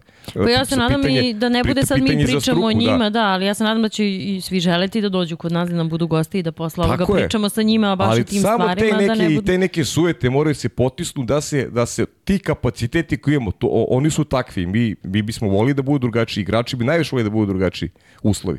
Ali to što imamo, ajde da probamo to što imamo da unapredimo na način da recimo što kaže Deki, a Deki to mnogo bolje znao od mene, Zoran Kontić, ulazak Zorana Kontića je, ja mislim u taktičkom smislu da je Srbija ovde dobila, imala pomak u odnosu na turnir u Splitu. Ja to zaista tako vidim. E, e, Nekako mi je veće zadovoljstvo bilo da gledam utakmice jer su e, sve utakmice srpskog tima su bile egal. Jeste. Ti si na kraju deseti, ali su sve utakmice bile egal. Niko Srbiju nije nadigrao na ovom turniru. Niko nije napravio veliku razliku protiv Srbije na ovom turniru. Ok, nije bilo meča protiv Italije, ma, ne znam, e, Španije, Holandije. Ali, ali to je pokazatelj da, da je blizu bio i odlazak svetskog prvenstva. Ja verujem da bi egal utakmice bili i sa Velikom Britanijom. Siguran sam. Da, e, samo još moram taj primer, pošto je dosta tih kao interesantnih priča sa ženskog turnira. E, Britanke jedno 15 godina, ja mislim, nisu bile na velikoj sceni i sada su se vratile potpuno bez očekivanja da na ovom evropskom nešto urade i da se vra- vrate sa nečim u rukama. E, one su novac prikupljale preko interneta, to nije prvi slučaj u ženskom vaterpolu, Nemice su to radile za Split. Ovaj, uh, prikupljale su se tu, bilo je i humanitarnih akcija, turnirčića, tako dalje, pre polaska i one negde do samog krajnjeg roka za otkazivanje ili ne otkazivanje učešća uh, nisu znali da li idu. Roditelji su im pomagali, većina tih devojaka uh, rade, studiraju, od 9 do 5 su zauzete, onda dođu na trening ako stignu i tako dalje. Ovaj, I roditelji su uskočili, to se videlo. Mislim, roditelji su pojedini bili tamo, poslati kao maltene vođe puta da bi neko brinuo o njihovim stvarima, hotelima, ručkovima, veče, šta jedu, kada jedu i tako dalje. I maltene roditelji zakazuju te neke stvari koje možda je to, je to posao nekog tim menadžera zvanično u timu i tako dalje. Tu su bili roditelji oko selektora i ekipe, pomagali u svemu i sad su u situaciji da imaju u rukama kartu za dohu, ali ne znaju da li će otići jer niko nije planirao da za dve nedelje ponovo mora da skuplja pare i da ih pošalje na tako nešto, a nemaju i dalje odgovor uh, vlade, uh, zvanično da li će im dati novac i budžet uh, Savezu celom da se njihov odlazak u Dohu isplanira i bude onakav kakav treba da bude. Ovaj, tako da potpuno naravno volonterski igraju, nemaju nikakva, nikakve interese iz toga, ništa ne dobijaju od novca. Ovaj, I sad to je ono, uvek je pri, jedna priča takva na turniru postoji i neko odživi svoj san i mene baš zanima sada da li će jedna Velika Britanija na bazi ovog uspeha da pogura stvari kada je reč o ovim sistemskim sistemskom stanju e, ženskog vaterpola, naročito kao zemlja koja je prilično otvorena ili makar se predstavlja kao da je otvorena e, ka razvoju svih tih, ovaj, da kažem, stvari i interesa koji se tiču ženskog sporta. Mislim da se... Ha, izvini. Mhm, ništa, ništa. Da, to, to mi je samo onako velika enigma kako će izgledati budućnost te zemlje kada je reč o, o vaterpolu, da ne budemo samo mi neki polunegativan ili negativan primer ili ne znam, Hrvatska ili naš region, nego da eto, neke zvučnije, zvučnije zemlje ovaj, sportske ovaj, nemaju još uvek rešenje ili ga nisu našli ili ne žele da ga nađu, a pokazuju neki uspeh u, u bazenu ili na terenu ako je neki drugi sport, ovaj, pa, me, pa me baš to zanima, da vidimo kako će, da li će stići do Dohe.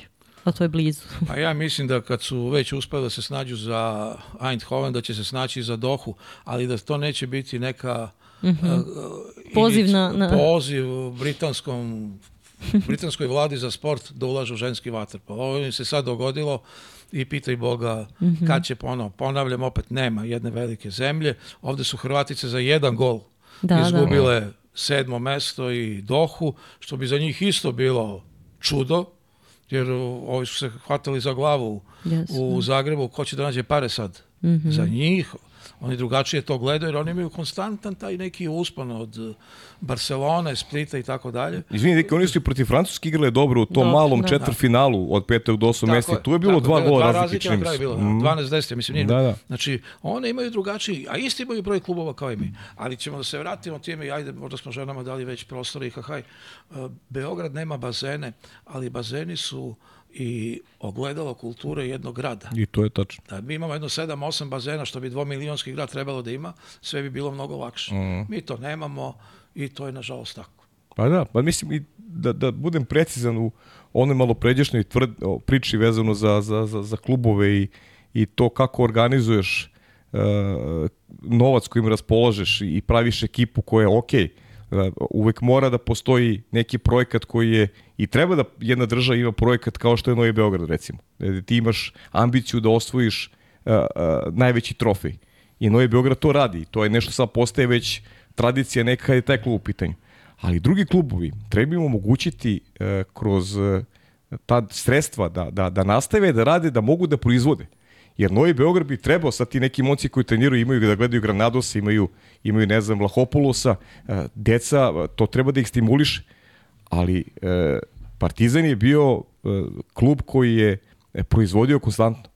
On je proizvodio i ti igrači manje više o prethodne generacije, to ti je bio proizvod Vojvodina, Partizan, to su klubovi koji su stvarali. Ti klubove koji stvaraju, moraš da im nađeš način da, da opstanu, da oni dalje nastave da stvaraju. Jer to je u, u duhu, da, ali to, u da. duhu njihove tradicije. Ti si sad naveo taj primjer. Jer, naš, uh -huh. jer ti ne možeš da potisneš taj, ako imaš nešto je uspešno, ti mora da nađeš model, da nađeš model da omogućiš klubu koji proizvodi da nastavi da proizvodi. Da li je neko pravio dugo? Pa procesuirajte ljude, e, one koji prave dugove. U čemu je problem? Jel neko napravio dugove? Jel neko? Pa daj, pa ajmo da procesuiramo ljude koji su napravili dugove. Ne da se sve gura po tepih i da sad danas ispaštaju deca koji ne mogu, koji ne mogu da treniraju na banjici koji žive tamo. Pa koliko su imali velikih šampiona sa banjice?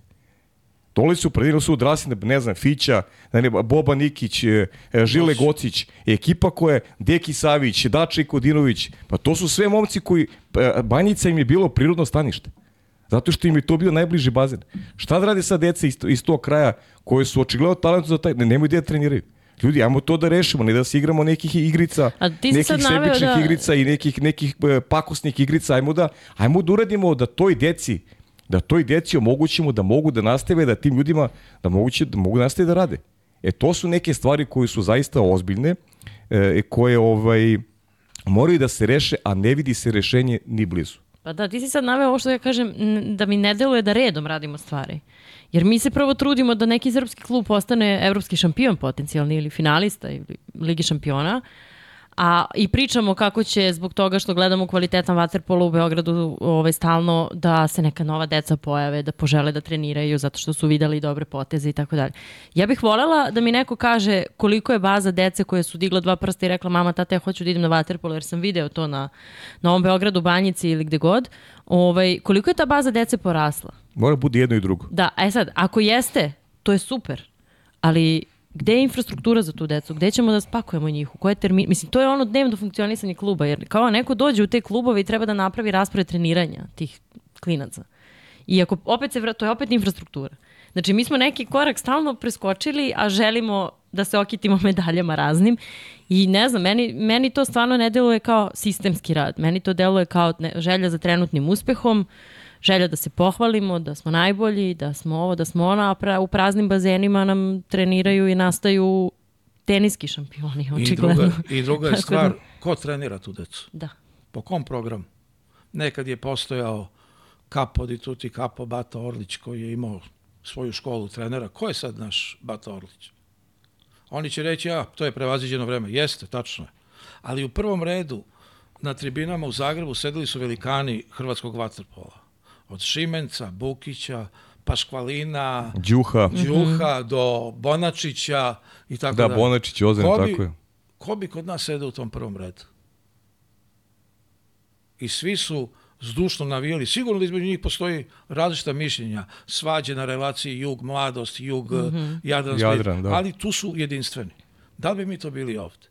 Ali čak mislim da veliki problem su nam zadali ovi veliki igrači sa svojim fantastičnim uspesima. Mm -hmm. I mi smo danas u stanju da šesto mesto ili sedmo mesto u Evropi proglasimo brukom yes, srpskog yes. vaterpola, a da ne razmišljamo šta je dovelo do tog šestog ili sedmog mesta. Tako je. Tako da, I rešavanje tih problema. Da. Tako je, tako. To je suština cele priče. Yes. A niko se ne boji suštinom. I, I ranije se bavilo uh, Pa ti znaš, ti si u Vatrepolu ceo život i ja, ja od, od kad te znam ti si u Vatrepolu, ja sam klinac bio kad sam počeo raditi, nisam radio u Vatrepolu, Deki je, Deki je to pratio i Vatrepolo je nekako osvoje zlatnu medalju, dočekao i na terasi sutra više niko ne priča. Niko ne priča, da. Ako nema, ako nema, ne znam, Dekija Stevovića, ne znam, Krstovića, uh, uh, u, u sportu pokojnje Olimpije i, i, i kasnije, kasnije Živančević, e to, e to ti je bila cela, eto, oni su pisali i pratili vaterpolo, niko se, niko se tim sportom nije bavio i, i, ovaj, i dolazimo sada do, do, do, do,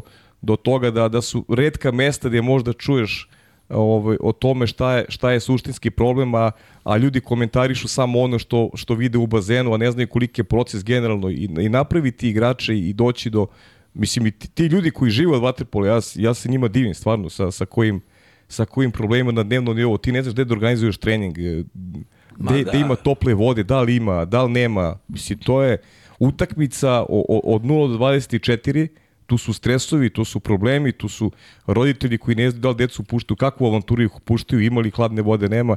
Mislim, ženski vatepolotek koji je da. amaterski sport, klasičan amaterizam, ono to nema, amaterizam, ja moram, da, najgore vrste. Da, da apostrofiram tu i ljude koji jesu uključeni u rad klubova, saveza, uh, koji, koji zdušno žele ovo što mi želimo u vaterpolu, i koji su se ohrabrili da uđu u košta sa takvim problemima i koji su vrlo svesni tih problema i koji se trude gde u jednom momentu i oni postanu obeshrabreni, jer možda nema izlaza, jer možda ima izlaza danas, ali nema sutra za neki problem i tako dalje. Tako da ne bude samo da ih nešto uh, kritikujemo ili da uh, apostrofiramo to da oni nisu dovoljno sposobni da nešto naprave. Naprotiv, ako nekome treba pomoć i na bilo koji način, a da mi možemo da učestvujemo u tome, evo dižemo dva prsta, hoćemo svi zajedno, sve je okej, okay. da. samo dajte da kao Tačno. krenemo od suštine. Sigurno da ne postoji niko u savezu ili u klubovima ko ne želi uspeh. Tako je. Ali vaterpolo mora da se postavi kao sistemski sport od vitalnog značaja za državu Srbiju Tako je. na osnovu rezultata igrača i trenera koje je ostavio u svetu. I on nije prva kategorija sporta. Prva kategorija sporta je recimo rukomet, koji 20 godina ima dve medalje. Vaterpolo, nije suština u tome što će Vaterpolo da dobije nekoliko desetina hiljada evra više od ovih. Pogotovo što se Vaterpolo igra u neprirodnoj sredini. Znači, potrebni su drugačiji objekti nego što su tereni i tako da. Znači, to mora da bude strategijski napravljen plan da se predstavi nekome gore i da nama treba to, to i to da bi bili stalno u polufinalu. Mm -hmm. Partizan jeste bio taj proizvođač, ali se nikad nije uh, analiziralo zašto je prestalo da funkcioniše ta partizanova škola. Poslednji veliki igrač koji iz partizanove škole potekao je Nikola Jakšić. Mm. To on je 96. ili 7. Pre toga, mislim, Stefan Mitrović, 88. Bio je jedan veliki vakum. Mm. Zbog čega? To neka analiziraju ljudi u Partizanu i ovi koji smatraju da znaju rešenje to. Ali Partizan to ne. Vojvodina je to bila isto tako. Sad. Vojvodina tek sad nema. Da, mm -hmm. tek sad nema ništa. Znači, to su problemi koji moraju da se odraze na rezultat reprezentacije. Stevanović ima ovih 15 igrača, Vučinić, Mišović, Martinović, to je to. Možda sam zaboravio nekog. Ali mi imamo 20 igrača, ranije je bilo mnogo više. I čovek koji je uzeo taj vruć krompir da radi, mi ga sada kritikujemo, hvalimo i tako, da, ali je suština u tome da mi više ne možemo. Bolje igrače nemamo. Mm. Imamo veliki broj talenata koji su osvajali zlatne medalje, Podgorica, Beograd, ova Turska gde je bila, Rumunija. Jest, jest. Gde su ti igrači? Zašto ih nema? Pa gde su, na, možemo gde da su na klubskom nivou? Tako je. Jer mi Kakve minutaže imaju, koliko je. igraju? Bravo. Jer možemo mi da napravimo situaciju da sad obezbedili smo olimpijske igre, da odemo u Dohu sa selekcijom od mladih igrača, a da se ne obrukamo. To Varga može. Mi ne možemo. I to je velika razlika. Moramo da budemo svesni. Mi nismo više vele sila u. Da, ali da. nije ruku na srce, ne bih hvala da toliko ocrnimo stvari. Pa nije, nije, pričamo Ali nije toliko ni godina prošlo od oproste šestorice. Pa nije. Jel da? Nije, pa nije. Da, nije to veliki period. Da, Mislim, mi, smo, mi sad pričamo kao jer smo stvarno nestrpljivi ne nekog. Ne pričamo ali... mi sad o ovoj generaciji. Ne, da. ova generacija okay, nije, okay. Nego, nije, ne pričamo o njima. Mislim, ti ovdje imaš, uh, imaš Jakšu, Mandu, Savu, Baneta, to su ti dvostruki olimpijski šampioni. šampioni da. Tako je. Pričamo o onima koji dolaze. Gde su oni u odnosu na, na mađarski vaterpolo? Kakva je njihova, kakva je njihova budućnost? Kakva je njihova sudbina u, u sistemu u kojem funkcionišemo?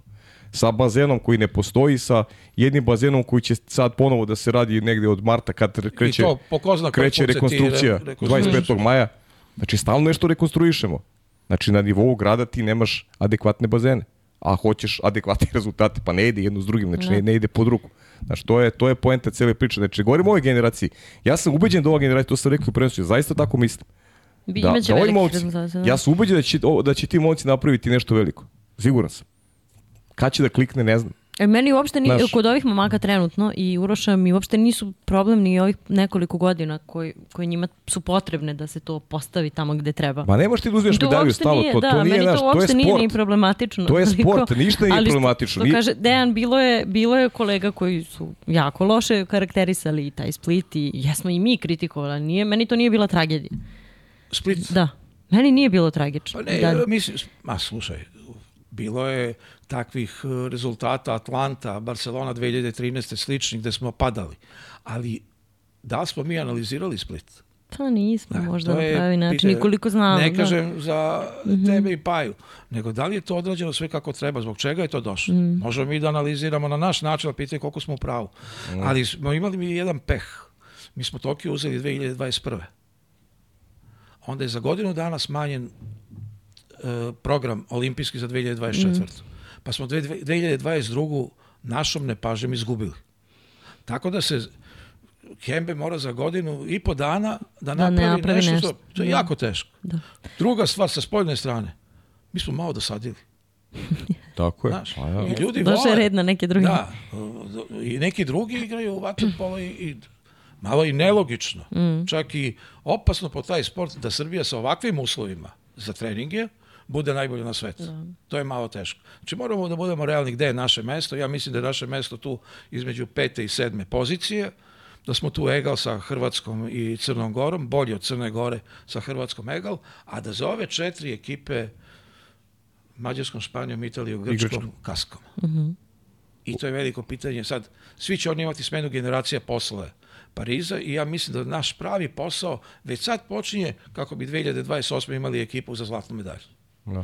E sad, Pazi, e, Amerikanci su iz Amerikanci, mog ugla da, u da, prednosti to trenutno. da, nego- to da, Amerikanci su nego- ozbiljna ekipa koji se pripremaju by the way za 2028. godinu, a već sada u Dohi Da, da. su iz mog ugla kandidati za medalje. Tako je.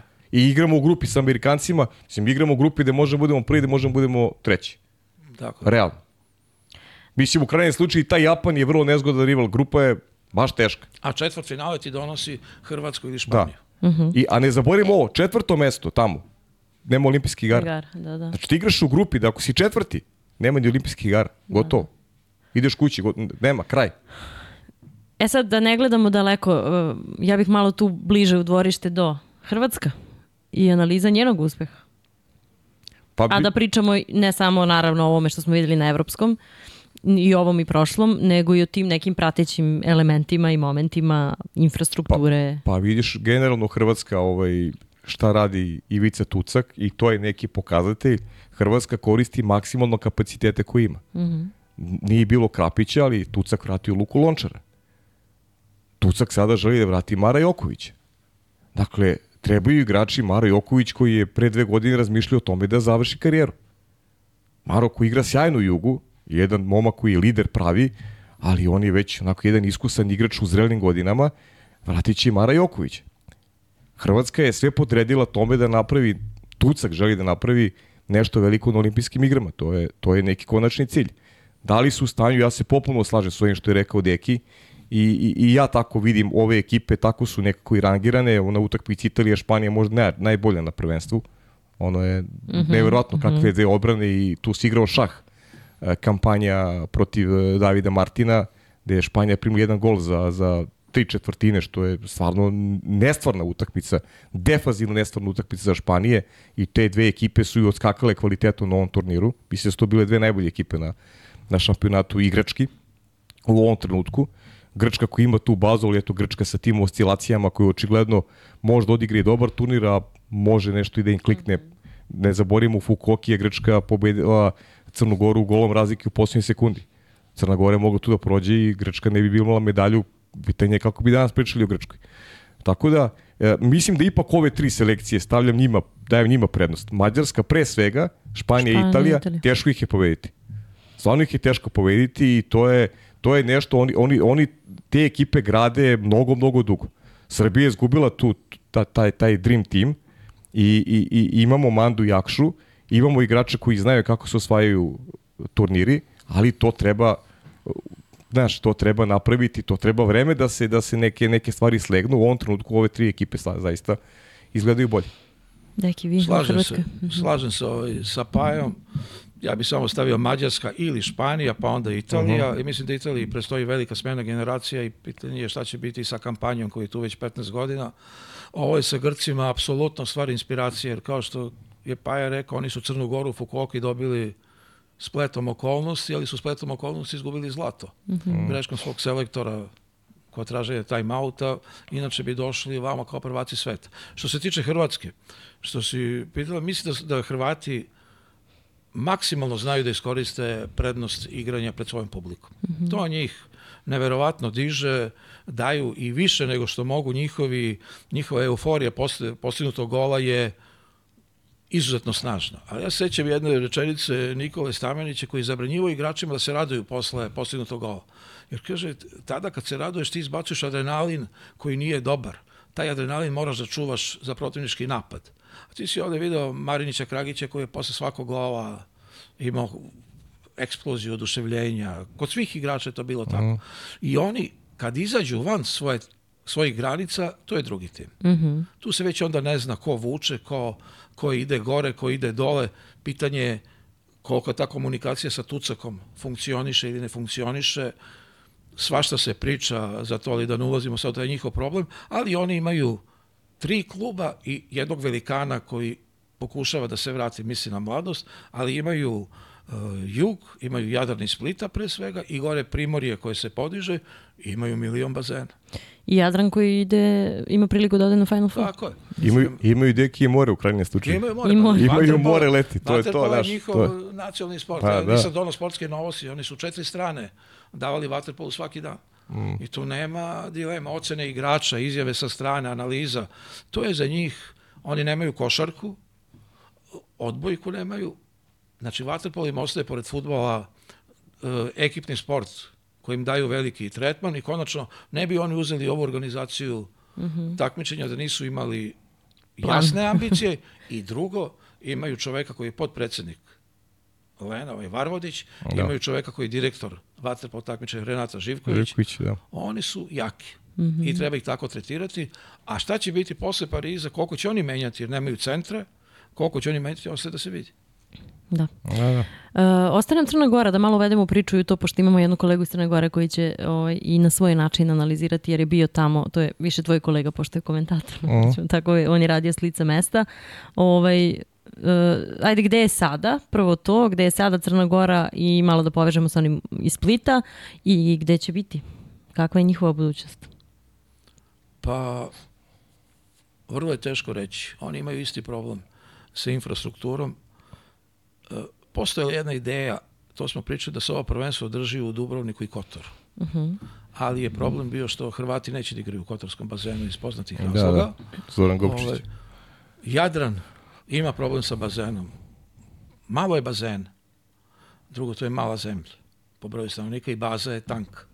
Nisam ja siguran, oni napadaju Vladu Gojkovića ovaj, zbog raznih stvari, nisam siguran koliko su u pravu, a posebno ne pominje se niko drugi ko bi mogao da dođe na njegovo mesto. Smrt Petra Porobića je strahovit udarac za crnogorski vaterpolo, jer je on bio spreman da se vrati u Primorac, a ujedno i da složi sve te kockice kako bi reprezentacija išla dalje. Mislim da su oni u težoj situaciji daleko teže nego što je Srbija i da bi bilo pravo čudo da oni nađu igrače koji će posle Pariza moći da budu ravnopravan rival ovim ekipama koje je Paja pomenuo.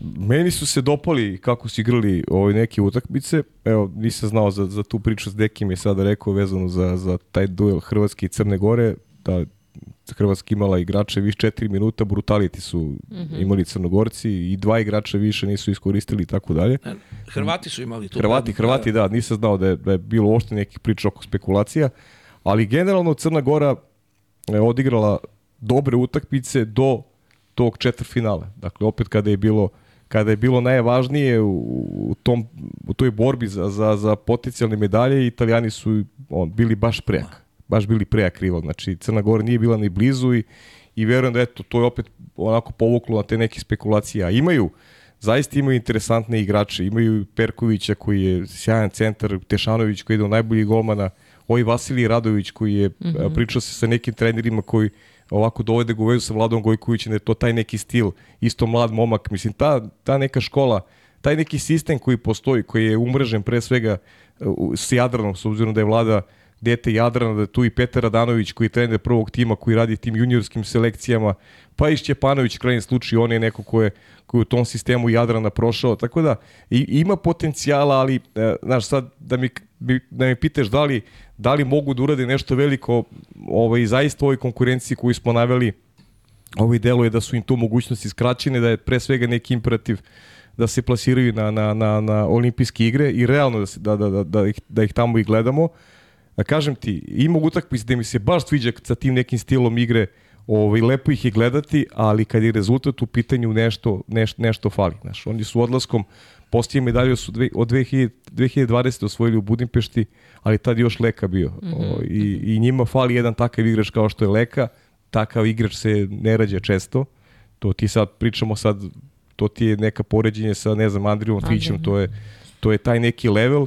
To Crna Gora nema takvi igrače, ovaj, nemaju nekog mandu jakšu, nekog, nekog lidera i, i, i ne nameće se neko. Opet, s druge strane, napravi paralelu, ono, pričali smo o ovoj devojci iz, sa Kube, kada govorimo o naturalizujim igračima, imam problem kada, kada vidim pogotovo neke momke ili devojke koje ne prave razliku u ekipu. Znaš, ti ka, ekipi. Ti ka, ako već nekome daš pasoš, očekuješ da taj neko, znaš ono što radi recimo Marina Maljković u ženskom. Sa Ivon Anderson. Pa i sa on i sa, i sa Page također. Dakle, znaš, da. Ti onda, znaš, daj, daju neki, neki smisao igri. Ja, ja recimo, Averku, znaš, ne znam mm -hmm, zašto bi mm -hmm. on uzimao neko mesto Mršiću ili nemam pojma nekom, nekom, Jeste, nekom igraču. Ali ostaje pitanje da li je poziv Drašku Brguljanu na kraju dao rezultat koji se očekivao ili nije. Pa Draško, Draško, nije, ni igrao, Draško da. nije ni igrao te, te, te utakmice koje su koji, on, on je igrao prvu protiv, eh, protiv Francuske, više je bio na tribinama nego što ja. Ja mislim da Draško čak nije bio u timu protiv Italije. Pa ne, ali onda koja je svrha? Ta, Jednog je. velikog igrača njihovog tako stavljati u neku situaciju na uštrb mladog a ne bi se poremetila plasmanom ništa, jer to Crna Gora kako igrala sa Hrvatskom, ona je po mnogim ocenama oštećena za pobedonosni gol Radović. Jest. Da li je on bio 6 metara, da li je dobio, da li je bio kontrafal ili nije, ali da je bilo kontra situacija da su to Hrvati imali, to bi bilo priznato. Da, i Hrvatska, ali, Hrvatska je bila treća da je, da je Crna Gora dobila mm, Tako je, ali Hrvati su, ovaj, to je javna tajna, pucali na poraz na peterce. Uh Mhm. -huh. Da bi imali ovakav krug do kraja, računajući da će M je medalje u džepu, svoja atmosfera, mogu da se dobiju ti španci koji nikad nisu bili prvaci, samo su se u ovoj pogrešnom, u, u poslednjem delu računice prevarili, sami su dali zlato špancima i to je sad njima za nauk. Jer njihovo raspoloženje posle utakmice i predstavnika medija i igrača i Bukića je dovoljno govorilo da je to za njih bio strašan šok. Ali nešto ne razumem, deki, šta su onda, onda oni beže od, od Italijana u polufinalu, šta? Pa sad, Znaš zašto? Znaš, Zato što bi oni išli na Rumuniju u četvrfinalu. Bili bi prvi u grupi da su pobedili Crnogoru na petercu. Jeste, ali je, tu je bila utakmica čudna Italija-Mađarska. Koju su Italijani pustili, gurali su Mađare da dobiju pet razlike. Tako da su te računi sad, ne mogu više da se setim, ali u svakom slučaju svi su bili zadovoljni što su uzeli jedan bod, jer bila je varijanta u polufinalu da im bude Srbija. Uh -huh. Razumeš? A oni smatraju da sa ovakvom Srbijom pred svojom publikom teško mogu da izgube. Uh -huh. Tako da je bilo tako kako jeste. Tucak je to radio i 2016. On smatra da ima pravo to da radi. Ne može niko da mu zameri. Italijani su to isto radili, na kraju su završili kao treći. Pa mislim Jedi... da je Waterpolo, izvini, jedini sport gde, gde, gde ti imaš, eto imaš recimo Rio 2016. godine, da. sve tri utakmice u grupi Jeste. kontra Srbije su bile, Tako ali niko nije govorio o tome, kao da je to nešto najnormalnije. To su olimpijske igre. Da, mogu si, da, mogu si da konstatuješ. Ovaj, to, je, to ti je prosto, ja ne mogu da se setim sad da li smo mi to nekad radili, u stvari mogo bi, ali nije ni bitno, ovaj, ovaj, uh, ni Hrvati, ni Italijani nisu uzeli zlato. Da. A ovi koji nisu kalkulisali, kalkulisali to, to. su ga uzeli. Tako da. da ima nešto što, neka karma koja utiče na to sve i mislim da se završilo najpravednije kako je moglo se završiti. Da, imamo i opet da spomenem kolegu Maksima Živaljevića koji je bio na licu mesta i svog ugla i navijačkog i ovog komentatorskog je pratio reprezentaciju Crne Gore pa da čujemo ako, ako mi ovo svi mislimo šta, šta onda misli on pogotovo za tu utakmicu protiv Hrvatske. Pozdrav svima. Crnogorska vaterpolo reprezentacija na šampionatu u Dubrovniku i Zagrebu, rekao bih prije svega igrala je sa dosta oscilacija. Na početku taj možda i najteži meč za Crnogoru na ovom turniru protiv Francuske trebalo izbjeći posljednje mjesto i to očigledno veliko breme. Bilo je i veliki problem, tako da Crna Gora nije bila na dobrom nivou u toj utakmici, ali iščupala je dva boda, dobila meč na peterce, usput i gubila i to nije bio dobar predznak za ovaj šampionat. Ali su onda došle odlične utakmice protiv Španije i Hrvatske, pobjeda nad domaćinom poslije Peteraca i tu su bile one, to je bila ona gornja amplituda e, zadovoljstva. Međutim, potom u Zagrebu nije bilo dobro kao na moru, osmina finala sa Njemačkom pobjeda, ali dosta minusa I onda ta utakmica protiv Italije, zaista fantastičnih 8 minuta, ta prva četvrtina, baš kao što su i nagovještavali momci u najama, bili su nekako puni samopouzdanja, želje, ali Italija je očigledno jača ekipa u, ovoj, u ovom trenutku, snažnija, viša, teža, e, skuplja i pobjedila je na impozantan način, skoro baš onako kao što je i Španija potom eliminisala tu istu Italiju, ali kao da Azuri negdje i ne leže crnogorskoj reprezentaciji. Meči od petog do osmog mjesta nikada nisu bile, bila šansa bili šansa za Crnu Goru da dođe do nekog dobrog izražaja, uglavnom su tu mučenja, gotovo tako bilo i ovoga puta, pa je na kraju Grčka ubjedljivo pobjedila Crnu Goru. E, znate kako, nekako se ova generacija, ova selekcija mjeri od turnira do turnira, koliko napreduje. Tako da nismo bili zadovoljni poslije 22. posebno ne poslije Evropskog šampionata u Splitu, a onda je Fukuoka prikazao jedno drugačije lice ove ekipe i bilo je dosta uh, pohvala za ono što je to tamo uradila uh, ta, ta selekcija i onda sada o, o, ovo, ovo prvenstvo osjećanja su, čini mi se, i ocjene pomiješani i reklo bi se da ako gledamo utakmice protiv Španije i Hrvatske, odlično, ali onda Francuska donekle i posebno Italija nije to bilo dobro.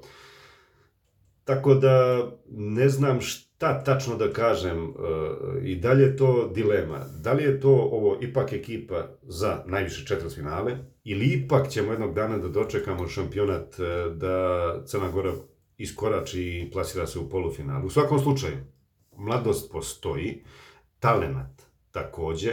Crna Gora i dalje nema tog nekog elitnog, vrhunskog igrača posljednji u tom nizu fenomenalnih bio i Ivović, ali Leke više nema u našoj reprezentaciji. Sada ova nova ekipa mora da iznjedri jednog takvog, ali ne može ni reprezentacija to samo da učini, mora kroz klubove da se dođe do takvog kvaliteta.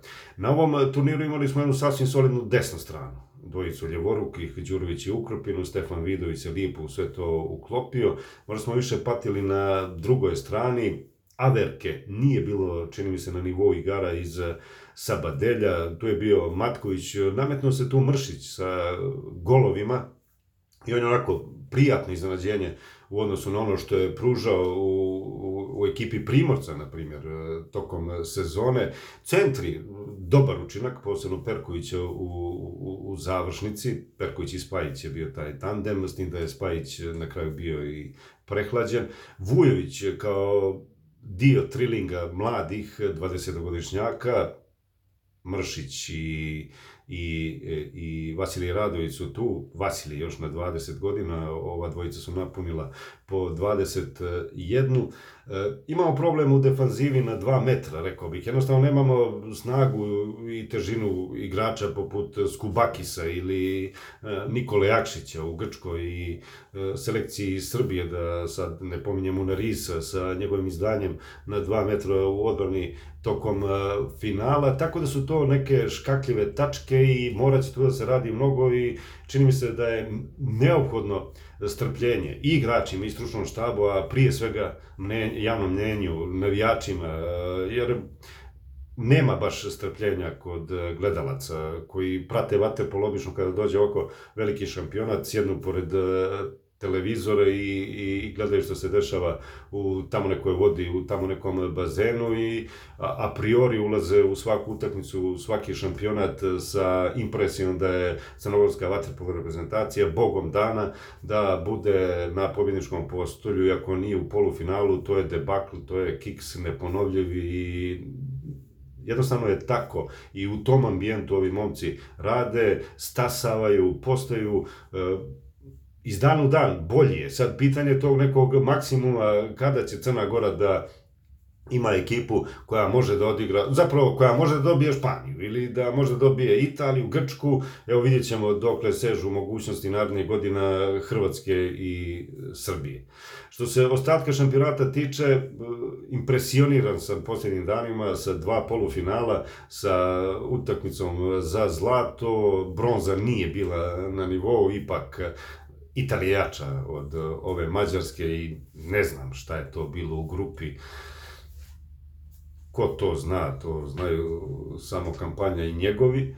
Ovaj, ali zaista ono polufinale Španije, Italije, igra Španaca u tom meču, pa i Hrvatska, Mađarska je također bila na sasvim dobrom nivou i onda taj meč i onaj gol Granadosa za kraj. Evo, ne znam, nemam toliko godina pa da smijem da kažem da je ovo generacija španskog vaterpola koja je najbolja svih vremena.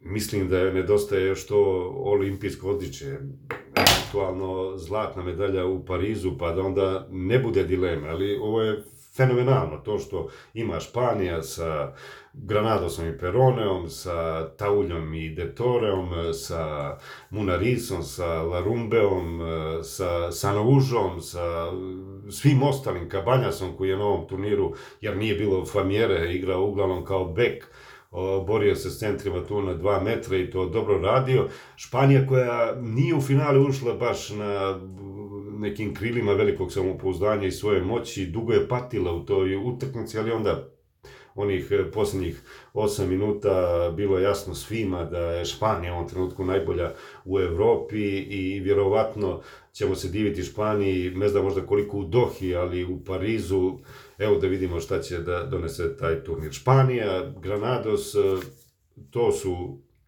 osnovni, osnovne impresije sa ovog prvenstva. Što se ostalih tiče, Italija je tu, kao i uvijek, uvijek ona može u finale, uvijek može do zlata, ali se dešava upravo Italijanima i da ne budu u polufinalu. Ovoga puta su osvojili medalju prvu na Evropskom prvenstvu od 2014. i dalje od 90-ih ne mogu do zlata, ali Italija će da traje i, i naredni ko zna koliko godina i sa kampanjom i bez njega, jednostavno e, italijanski vaterpolo to je sila bez dileme, da vidimo šta tu mi možemo na Balkanu, Mađari su opet neka sasvim druga liga sa svojih stotinu elitnih igrača. E, očekivao sam lično više od e, Srbije, posebno zbog činjenice da je tu Dušan Mandić ponovo u, u, u reprezentaciji i mislim da je Mandić igrao fantastično da to što je prikazano na ovom turniru i onako kako izgleda fizički, kako pliva, kakav je taj šut, ja, ja odavno nisam vidio Mandića u, u, u, u takvom izdanju i čudi me onaj poraz od Mađara u četvrtfinalu, kad se ne varam, Mađarska je tada bila bez Haraija, ali eto, desilo se da je i ta podmađena Mađarska bila bolja od Srbije. Hrvatska uvijek favorit na svom trenu za zlato, ali na kraju e, Španija je bila uspješnija, vratio se Lončar u odnosu na Fukuoku, vratio se i Fatović, također zapravo Lončara nije bilo i ranije. E, vjerovatno će igrati i, i u Dohi, vjerovatno će se pridružiti i Maro Joković za olimpijske igre u Parizu, tako da Hrvatska ostaje tu uvijek e, kandidat za vrh, za, za medalju i to nije sporno, ali pitanje je za sve šta nakon Pariza, šta nakon olimpijskih igara, ko ima u toj svojoj bazi te elitne talente da obećavaju neka polufinala. Nadam se što se mene i nas u Crnoj Gori tiče da crnogorska vaterpolo reprezentacija e, barem sigurno neće biti ispod ovog nivoa i ispod tog plasmana u četvrtfinale, ali također se nadam da će ovi neki momci koji se naziru, koji su tu, koji su neko 2006. 7. godište mlađi, da će se pridodati ovima koji i dalje rastu u vaterpolo smislu i da će Crna Gora posebno nakon Pariza zaista da bude baš bliža e, vrhu, a dalje od tog uvijek sigurno plasmana u četvrtfinale. Pozdrav iz Podgorice. Hvala kolegi Maksimu još jednom. Šta kažete vas dvojica na ovo? Posebno ovaj reki na ovu, ovu priču o crnogorskoj javnosti koja je vrlo oštro Znači Maksim, ovaj, Maksim kao i uvek maksimalno. Ove, ovaj, mislim da je, da je analiza perfektna. Rado bih je potpisao da je neki tekst. Ove, ovaj, što se tiče crnogorske javnosti, ona je teška. Mhm. Ona je teška, ona nije objektivna kad su u pitanju mogućnosti za razvoj vaterpola, za pojavu tih talenata i trenera, ona je tu nerealna i mislim da crnogorci mogu prema uh, infrastrukturi koju imaju da dosegnu do nekog maksimuma, ali da će taj maksimum biti ipak niži od maksimuma koje će imati reprezentacije koje imaju potpuno drugačije i bolje uslove za razvoj. Jednostavno, u tim teškim problemima koji obuhvataju njihov, i naš vaterpolo, a, jednom to mora da se odrazi na konačan rezultat. Slažem se ovo potpuno što je rekao za Mandu da je igrao fantastično, posebno taj drugi deo turnira. Jer je tamo Manda uvek igra bolje da je drugi, Drugi deo deo. turnira. Da, ali ovde je imao taj uh, dodatak da se vratio ovaj, u reprezentaciju, pa je imao verovatno i motiv malo drugačiji. Ovaj, tamo dobijaš statistike posle svake utakmice i na kraju dobiješ kompletnu statistiku, ali podeljenu na dva dela, na grupni deo i ovaj. Manda je u grupnoj fazi kao potencijalni golgeter reprezentacije postigao šest golova. U drugi četiri utakmice 13. Bio je na kraju četvrti strelac prvenstva. Ali se videlo po njemu da mu je odlazak u Ferenc Varoš prijao i tamo se tražio jedno vreme da bi na kraju postao sjajan i on je apsolutno bio naš, da kažem, najbolji igrač. Jakša je pao posle poraza od Mađara, dugo se ovaj tražio tu. U ovim ostalima može da se diskutuje, svako je imao dobre momente, ali je bilo i oscilacija, možda čak i previše u tom meču sa Mađarskom koji je trebalo da se dobije od ulaska u igru do mirnoće u završnoj fazi, što si ti pomenuo grešku u- kod izjednačujućeg gola Da, da. Vigorija. To je jednostavno tako. Samo da kažem, iznenađen sam prijatno Filipovićem. Mislim da je branio rutinirano, iako nema ni deset utakmica u reprezentaciji. Mislim da je on jedno Jest. osveženje i da sa njim i sa Mišovićem možemo da imamo tandem golmana za budućnost. Ovo ostalo, to će već Stevanović da izračuna št, ko je šta uradio, koliko je ko bio dobar. Mislim, a ovo što ostaje glavni utisak, to je Manda. Njegov povratak je veliki dobitak i mi moramo da nađemo još nekog Mandu pored Nikola Jakšića da bi bili konkurentni za, velika dom, za velike domete na narednim takmičenjima. Pa da, i ono što treba reći da da ima igrača tu koji nisu definitivno bili u nekoj, nekoj top formi. Znači ima igrača koji mogu Mnogo mogu više. više. Ajde da ih sad ne apostrofiramo jer vrlo brzo će i svetsko prvenstvo da im to ne bude sad neki teret. Mislim da oni sami znaju da, da, da, ovaj, da doprinos njihov a, mora bude veći i da, da oni sami mogu bolje, tako da verujem da tu ima prostora za, za neki lični napredak, a kad ima ličnog napreda onda to i mnogo lakše stručnom štabu i ovaj, da, da, da kreira jednu, jednu bolju celinu. Slaže se s tobom i pričali smo o tome da Filipović je ostavio dobar utisak i tu i Urošu uveo ga protiv Mađarske u posljednjoj četvrtini, kasnije mu dao poverenje i da brani.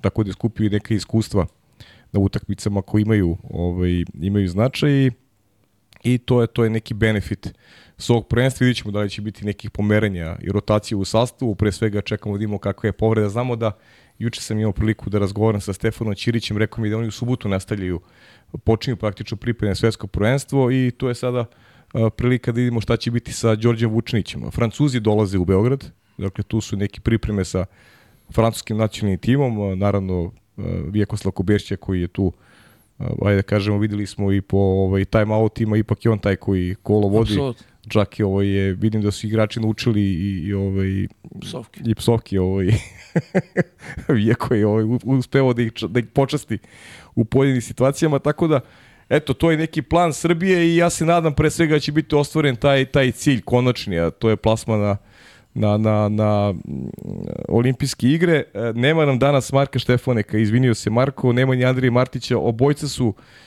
bili u nekim svojim poslovima, tako da ne, osta- ostaćemo uskraćeni za, za tu Pa analizu. nećemo, bit će u narednim Ma nekim još, Da, da, da. još su oni u šoku zbog Granadosa. Jo, još su u šoku zbog Granadalsa, da. Šalim se. A Marko sad kad pošli analizu, bit će pola sata, verovatno, Pa ta njegova Marko Marko, sledeća. ima, Marko ima i teme oko vaterpola. Ima i teme oko Pokrije, vaterpola, da. Čekamo Štefanika, našeg dragog, da se oglasi Ovaj, ovaj, da, za sledeću, da. Ne, nećemo ostati akciju. uskraćeni, naročito što ide i, i svetsko, imaćemo mi tu i HH tema još, tako da ovaj, da, svetsko. Znate, nadoknadit rekao bih samo jednu stvar. Kaži?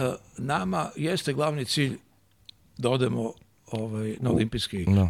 Ali po ovim propisima, pravilima, gde te čak i 11. i 12. mesto vodi ovaj, u Pariz, onda mislim da to treba da bude cilj paralelan utisku i kvalitetu igara koji će Srbija ostaviti u Dohi. Jer ne treba da zaboravimo da je, to je Stevanović uvek govorio da je imao prvi put kompletniji sastav nego ranije.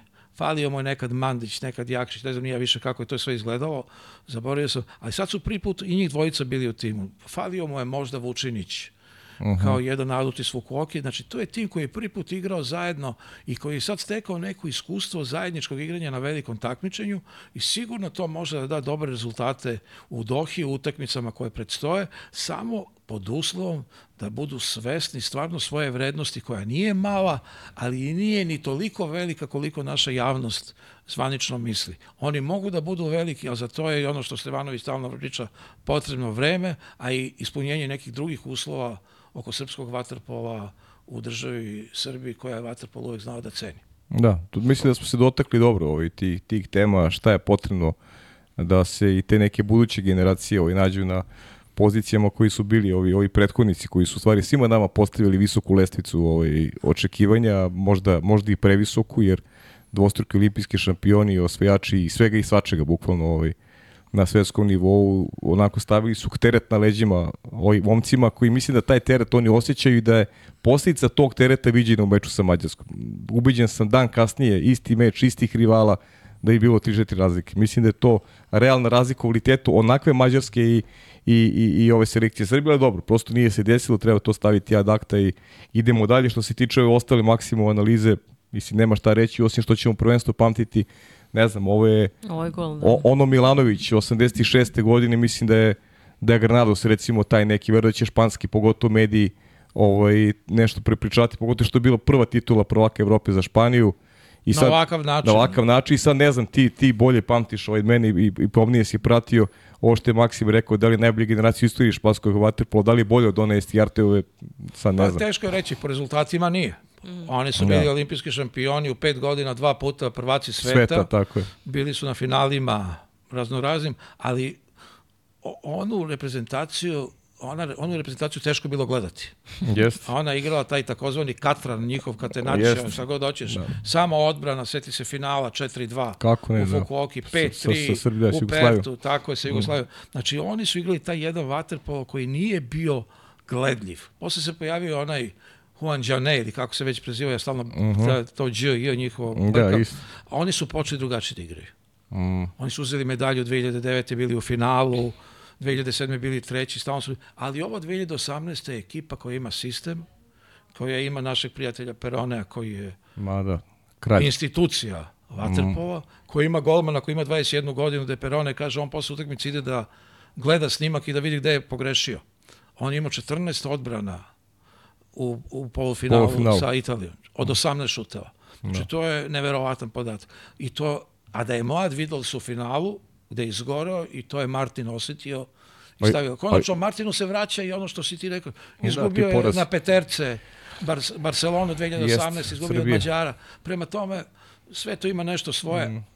Ja, to je tim koji ja volim da gledam, baš u svakom pogledu, koji u Barcelonetu, što volim da gledam, mislim da je to isti sistem i to je to. Da je Lorio dobar gloman isto. Lorio, bez sumnje, bez sumnje. Jer Španci, pazi, Španci imaju Sabadelj, koji više nije Nije mačikaš. neozbiljan tim. Tako je. To tako je tim koji može da te iznenadi, da te muči, da će on nastaviti tako da se razvija. Pitanje, je, ali činjenica dva kluba, o, više i ne znam ko je tamo treći, nije ni bitno, to, je, to, je, e, to su dva tima koji prave prvaka Evrope. Jeste, jeste. Sistem igranja u istom klubu ispostavilo se Tako da je. to uopšte nije loše, kao što imaju Grci recimo. Grci tako. Olimpijakos koji je onako preteča ovako tih, tih nekih To uspeha imali, to smo reprezentacije. imali jedno to smo imali jedno vreme s Partizanom. Jeste, da. Pa ovo baš prošla generacija, da. Tako. Ali pazi, 2011. je Partizan osvojio ligu šampiona na jedan superioran način. Nisu bili u reprezentaciji Vujasinović, Korolija. kaže Teodoru i Korolija. Korolija. Korolija koji je bio MVP tog turnira. Tako je. E, 2012. u osvojeno je prvenstvo u Eindhovenu Evrope, bio je prijem kod Borisa Tadića. I Boris je tada rekao Šoštru, moramo nešto da uradimo sa Partizanom, da on ostane ovo što jeste. I Šole se obradao, držim te za reč, držim te za reč. Ništa toga nije bilo. Ništa od toga nije bilo. Partizan je ušao u dugove, Partizan više nije mogu da zadrži igrače, da plaća trenere i Partizan je praktično danas skup klinaca od 18-19 godina, što je tragedija za srpski vaterpolo, pa i svetski vaterpolo, ali je i tragedija da se razmišlja kako vratiti te dugove, ko će to da vrati, kako su nastali, ko je kriv za to, to neko drugi mora da rešava, ali trpi srpski vaterpolo i srpski sport u celini. Zato si mi rekao da se manemo tih sujetnih igara i ovaj, da ne ulazi sad malo dublje u tu temu, ali važno su, ta, važno su ta deca. Ne, nećemo naći rešenje. Znaš šta je poenta? Što oni ko treba nađe rešenje, ne želi da ga nađe očigledno. I evo rešenje je da banjica ne funkcioniše i to je sad ovaj, ulazimo u neku, u neku drugu sferu, ajde ostavimo to za neku da. drugu priliku. Da. Ovaj. Pratit ćemo naravno svetsko prvenstvo u Dohi, deki raspoloži, siguran sam da, da i na tu temu razgovaramo kad dođe vreme. Ovaj. Osim ako ne putuju u Dohu. Ne, Osim ako ne putuju u Dohu, da. Koliko znam, ne. Ono što trebamo da kažemo, Aleksandar, eto pre nego što uh mhm. -huh. zatvorimo sa jednom bolnom temom, uh, čeka nas Doha i četiri olimpijske vize da ponemo. Četiri najbolje nekvalifikovane reprezentacije će izboriti vizu. Uh mhm. -huh. Za sada znamo da će u Parizu igrati uh, Španija, Grčka, Mađarska, Francuska, Francuska Australija, Sjedinjene države, uh, Južna Afrika i koga sam preskočio? Aziju. Preskočio sam Aziju. Da, da preskočio Japan. sam Aziju. Japan. Japan, bravo. Japan. I imamo četiri, dakle, po plasmanu četiri najbolje nekvalifikovane ekipe idu dalje, očekuju da će to biti jedna od pet evropskih nekvalifikovanih mm -hmm. ekipa sa turnira, jer zaista svojih ostali kontinenta teško očekivati neko možda poremeti ovaj, evropske reprezentacije. Dakle, e, ko traži vizu? Traži Italija, traži Srbija, traži Crna Gora, traži Hrvatska i traži Rumunija. Realno je tu Rumunija najslabija, ali ono što je važno u grupi, ako si četvrti u grupi, znači mi igramo u grupi sa Japanom, sa Sjedinim državama i sa, i sa Crnogorom, tu ako si četvrti u grupi, može da, da se pakuješ kući da kažeš od olimpijskih igara nema ništa. A onda ni od vaterpola teško. A onda, a onda ni od vaterpola, što kaže Deki. Sve ovo što smo pričali onda pada Pa pada u vodu, da. jer ti zaista u toj grupi možda budiš i prvi, a možda budiš i treći. Pritom, da je s Japanom recimo ta treća utakmica u grupi, izgubiš dve. Japan koji da, ume da, da iznenadi, Japan više nije mač i kašalj. Japanci znaju s nekom svom ludom sistemu kakav imaju, uvek mogu da iznenade, tako da Amerikanci koji su prejaki, zaista Dejan Ludovičić ima, ima strašnu ekipu, Crna Gora, znamo svi kakva je Crna Gora, igramo sa Crnogorom utakmice Egal već godinama unazad, tako da, eto, na papiru delo je lako, ali to treba ostvariti ovaj, u bazenu i znam da momke to neće zadovoljiti sam po sebi plasman, već žele tamo da pokušaju da napadnu medalju. Ne znam, deki, ja sam ubeđen da će malo drugačije se promešati karte kada govorimo o medaljama, jer, e, znaš kako, ti, ti si Španja je realno na vrhuncu. Ja ne znam sad Grčka koliko može da napreduju Grci, kako će sastavu doći. Teško mi je da, da, da poverujem da može u 20 mesec dana da iste ekipe ovaj, uzmu medalje na turniru, pritom Mađari, ako dovede Žolt Varga jaču ekipu, verujem da hoće da brani titulu sa jačom postavom, Mađari će sigurno biti favoriti. On je rekao, Žolt je rekao da će doći je tako? sa drugačijom ekipom tamo. Teško je verovati da Španci mogu da zadrže mm. ove špic forme tako je. u isto vreme. Mada, znaš šta, te velike ekipe se spremaju za četvrt finala i za onaj drugi deo turnira, tako da imaju oni mesta da se luftiraju. Ali ne pamtim da je da onim prvenstvima koji su bili u mesec dana da je jedna reprezentacija osvojila obe zlatne medalje, Jeste. pa čak se i menjao broj reprezentacije koji uzimaju medalje. Ja nisam siguran da Hrvatska može tako ovako da uđe među tri. Uh -huh. Mađari ako se vrate, Španci, Italijani i Grci ovi ako se saberu, to je to. Mi da. kad bi ušli u, to sam rekao i za ovo čudo za Zagreb, ako bi ušli u polufinale, to bi bio ogroman ogroman uspeh Sigurno. za srpski vaterpolo i podstrek za Pariz i dokaz da ova reprezentacija zaista vredi, a da će tek da vredi sa, u periodu koji stiže. No. Pavle, da uh, privedemo kraju polako i druženje, ali pre toga jedna tema, pa da, jedno prisjećanje. Pa da, imamo jednu, jednu, jednu bolnu temu, imamo ovaj, i Deki ja, ovaj, napustio nas jedan, pre svega, drag prijatelj, drag čovek, Mile Marjanović, koji je onako poznat svima u, u, u svetu vaterpola. Malo ću da dam neki lični ovaj pečat prvo, pošto Milančita sam poznao malo od kad sam počeo da se bavim ovaj, novinarskim poslom, pa tu, tu nas je vezalo i neko, neko prijateljstvo sa, sa ljudima koji su nam zajednički prijatelji i to druženje figurira i nevezano, u mom slučaju čak i nevezano za vaterpolo. Ja tada nisam imao ni, ni u malom mozgu da ću se baviti ovim čime se danas bavim. I, i jedan čovek koji je ovako toliko jedna dobra duša, dobrog duha, uvek naspijan, kakav god da je ovaj šeret jedan koji, ba, mislim, pamtit ćemo ga svi, a, a mislim da je eto i jučerašnja, jučerašnja ovaj, sahrana je pokazala koliko je bio poštovan. Ja nisam bio na, na nikad na, na većem ispraćaju uh, nekog ovaj, tako da mislim da je Milanče svojim nekim uh, životom i, i zaslužio zaslužio tako nešto i zaslužio mogli bismo bukvalno da pričamo ovaj, o, o njemu tokom cele emisije, a Deki, ti si neko komu je bio i prijatelj, komu je bio i, i urednik, sećam se kad smo bili kad smo bili, ovaj, pa neću reći klinci, on je već onako imao, imao ovaj, nekih, da kažemo, ne baš tih klinačkih, ali, ali momočkih godina i znaš ga bukvalno, bukvalno ovaj, ceo život gotovo i njega i, i, i njegovog brata Nikolu. Milanče kao čovek bio ljudina. On je sve, sve je moglo u Waterpolu da se organizuje i sve je znao da će biti dobro organizovano za one najteže poslove, za onaj 24-časovni rad u organizacijama je bio zadužen Milan. On je bio novinar jedno vreme žurnala, nije bio veliki novinar, ali je bio novinar, bez čih tekstova žurnal nije mogao da izlazi. Posebne tekstovi o Waterpolu su, videlo se, bili puni ljubavi, puni emocija. On je bilo to vreme i sankcija i zabrane igranja na međunarodnoj sceni. On je bio u stanju da od prvenstva mlađih kategorije napravi izveštaj kao da je evropsko prvenstvo. Sa sastavima, sa golovima. Tu je bio neumoran. I kasnije kada je otišao 96. 7. i kada je ušao u Waterpolo na neki drugi način, odnosno nastavio svoje bitisanje, imali smo česte kontakte da se videla sva njegova veličina da sa istim entuzijazmom radi i prvenstvo klinaca do 10 godina i organizaciju evropskog prvenstva u areni. To što kaže Paja, ispraćaj je bio, ako može se upotrebi za takve situacije, e, izraz impresivan. Jer tu su bili ljudi koji između sebe ne govore.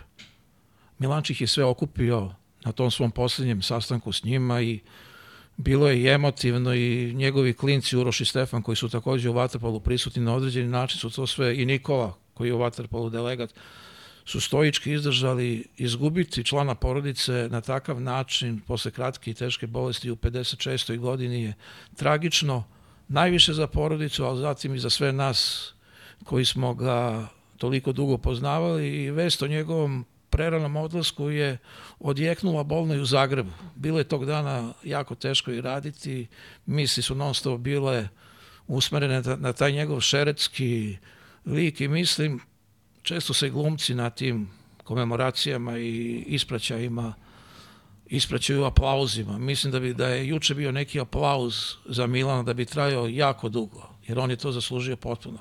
Bio je velikan u pravom smislu reči. Jeste, da, divan čovek i, i imali smo, ovaj, bilo je juče ljudi koji su došli iz, iz Crne Gore i, i, i Siniša Matijašević i bilo je tu zaista ovaj dosta ljudi koji koji su ovaj odvojili vreme da da dođu na na ispreće Melančeta. Ja bih molio molio bih eh, Nikolu da nam pusti ovaj sa komemoracije da da vidimo kako je to izgledalo.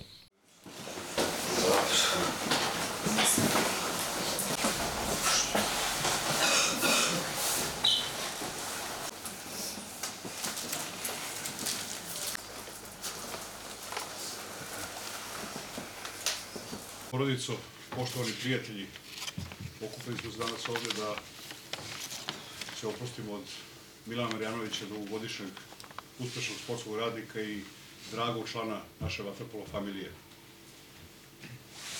Zamolio bih vas da minutu i čutili na početku odavamo poslednju počast našem dragom Dančetu.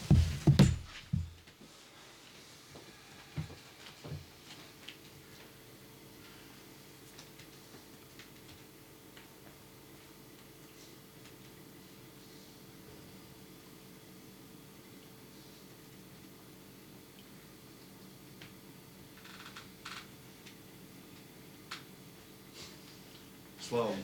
Slava. Na ovom komemorativnom skupu obratit će vam se predsednik Vatrpolo Saveza Srbije, gospodin Viktor Jelenić, predsednik Vatrpolo Saveza Beograda, gospodin Petar Đukić, gospodin Miško Stefanović, kum, sudija, delegat našeg dragog Milančeta i Uroš Marjanović, sin našeg dragog Milančeta.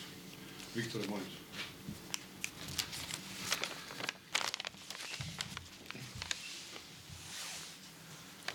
Dobar dan svima. Pre svega želim da izrazim iskreno saučešće porodice u ime Vaterpolo Saveza i moje lično. Šta reći o Milančetu? Veliki gubitak za sve nas koji smo radili s njim i koji smo ga poznavali decenijima.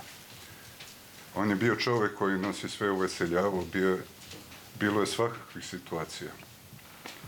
Pa podsjetit ću na neke samo, hoću da, da prikažu onako kakav je. Milanče mi šalje mail u, za, za takmičenje mlađih kategoriji, nešto zamrlja. Zove mu i kaže mu da popravi, on mi odgovara, idi bre, to samo ti čitaš. Posle nekog vremena zove me i pita, jesam pročitao mail? Novi koji je poslao. Kažem, jesam, u redu je. I počinje da se smeje. Kaže, nije, zeznuo sam nešto. Šaljem ti drugi. I smeje se. Savezu kad treba nešto da se završi, pitam ga, jel si rešio? On odgovara, rešavam, polako, rešavam. Posle njegove operacije na srcu, pitao sam ga, jel se plašiš da legneš da spavaš? Kaže, ne, nisam ni razmišljao. Posle nekog vremena sedimo u Savezu i kaže mi, uh, totalno si me zeznao. Sad svaki put razmišljam pred spavanje, da li ću da ustanem ujutru i smeje se. Čuli smo se dok je čekao operaciju. Pitam ga šta radi. Kaže, šetam po hodnicima, skidam kilažu. Pitam za operaciju. Ma to ćemo da rešimo. I vidimo se brzo u Savezu. To je bio on Milanče Šaljivđija, ali pre svega i, i na kraju svega dobar čovek. Dobar čovek. Tako ćemo ga i pamtiti. Otišao je za uvek, a uspomene su ostale. Prijatelju, vidimo se na nekom boljem mjestu. Slava. Slava.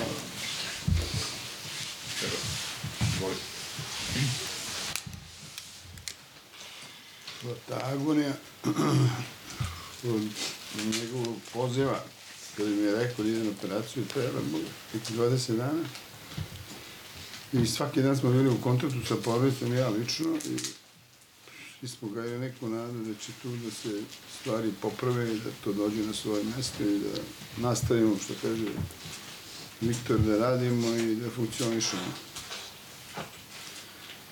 Bilo je mnogo teških trenutaka i u promenljivih situacija koje prosto nekada daju punu sliku optimizma u određenom trenutku se sve to nekako spusti na niži nivo, onda i naše raspoloženje i, i veru, sve to nekako padne.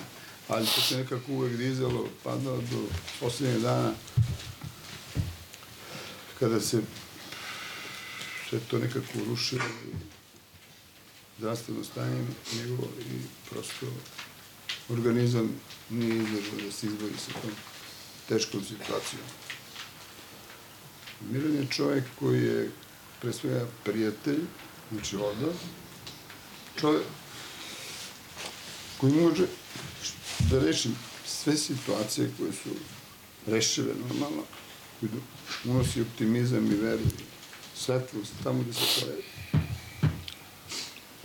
Od ovog momenta, kada ga više nema, sigurno da smo svi mnogo siromašniji za jednog takvog čoveka, koga smo, kao savezi, kao sportisti, mi, njegov temperament i ono što je bio kao čovek, iskren čovek, gradili, kako ćemo dalje, kojim putem vidjet ćemo, to ime mu slava, neka počeva u miru. Miško, izvoliš. Pre svega, mojim kumovima porodice želim da izrazim najbolje saočešće. Svima vama da vas samo podsjetim ko je bio Milan, tako smo se upoznali. Onda je posle bio Vucko, Fox i prvi put da sam čuo da ga je neko nazvao Milanče, bio Čikadane Rajko. Ko će to, to će Milanče. To je ostalo do kraja da prati njega Njega koji ima du, dušu za sve. Koji ume da istrpi i da uradi ono što verovatno mnogi ne bi. Verovo je svima, verovo je u sve. Kako će dalje i šta će biti, na nama je da ostanemo da se potrudimo da sve što vam počeo radimo i dalje da završimo. Tu su Uroš i Stefan koji su deo ove vaterpolo porodice i nadam se da će uspeti da nastaje to što je Milanče radio. Imali smo puno planova. Naša obaveza je da to što nije stiglo da uradi, da uradimo.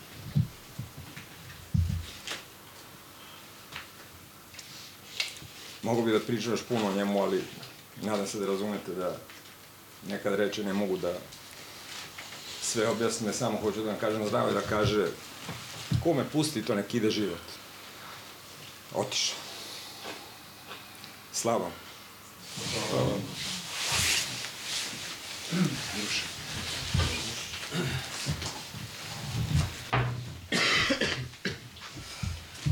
Prije svega, hvala vam ovaj, što ste došli. Tata, možemo s tobom? To je bilo pitanje koje smo Stefan i ja često postavljali kao mali kada bi išao na neku utakmicu. Jednostavno, u našim očima to je bilo nešto veliko i važno. Bili smo i ponosni i ostali što smo njegovi i kada god bi nas neko nazvao, to je Milančeto mali, mi nismo mogli biti ponosni. Tu ljubav prema ovom sportu smo nasledili od njega. Gledali ga šta i kako radi i odrasli smo žel, želeći da budemo kao on. Ovaj sport i vi svi kao, svi kao deo njega bili ste njegova druga porodica. On ovaj sport nije samo volao, on ga i živeo. Voleo, voleo je ovo okruženje, voleo je sve vas da vidi, da se svima vama popriča i da se svima vama provede vreme. Prvo kao stameni sidraš studenta, ni manje ni više nego desetka, kasnije kao trener, sudija, novinar i delegat, dostigo je maltene najveće visine ovog sporta. Imao je vrhunsku karijeru u vaterpolu uprkos njegovim fizičkim predispozicijama. Istakao se u areni, bio je delegat na najvećim domaćim i regionalnim utakmicama, ali njegov najveći uspeh bilo su deca koji su godinama prolazili ispred njegovog zapisničkog stola. Neizmerno je volao da prati mlade igrače kako se razvijaju. Svi koji su kasnije, koji su se kasnije kalibrisali kao vrhunski igrači, a i oni koji nisu bili toliko uspešni kao igrači, ali su postali dobri ljudi, ga se seća kao neko ko je bio tu i delio im medalje. On je bio jedna od najvećih zvezda srpskog vaterpola, jer ga je svako dete i svaki roditelj zapamtio kao delegata i čoveka koji je bio tu kada su pravili prve sportske korake. Koliko puta su ga samo roditelji i deca u prodavnici zaustavljali da mu se javi. Za sve njih on je bio vaterpol. Jednom prilikom smo sedeli na nekom ručku u nekoj kafani. Sto do nas sedela jedna poznata glumica sa decom i dok smo mi za stolom jeli i komentarisali neke njene uloge, njen sin je rekao kada je ugledao Milančeta, mama, ovaj čika mi je delio medalje. Milan je prišao stolu i pozdravio se sa dečakom u stilu prave zvezde. Ono pitanje sa početka, tata, možemo s tobom, nije ostalo samo u detinjstvu, jer smo ga redovno pitali i u poslednje vreme. Kao što nas je uveo u život, uveo nas je u svet vaterpola i među sve vas ovde. I zato, tata, ne prestaje mi ništa drugo nego da ti poručim jedno veliko hvala. Od sada igraš u odbrani i čuvaš sve nas. Bićeš na svakoj utakmici kao naša najveća podrška da svi zajedno nastavimo tamo gde si stao. Hvala ti.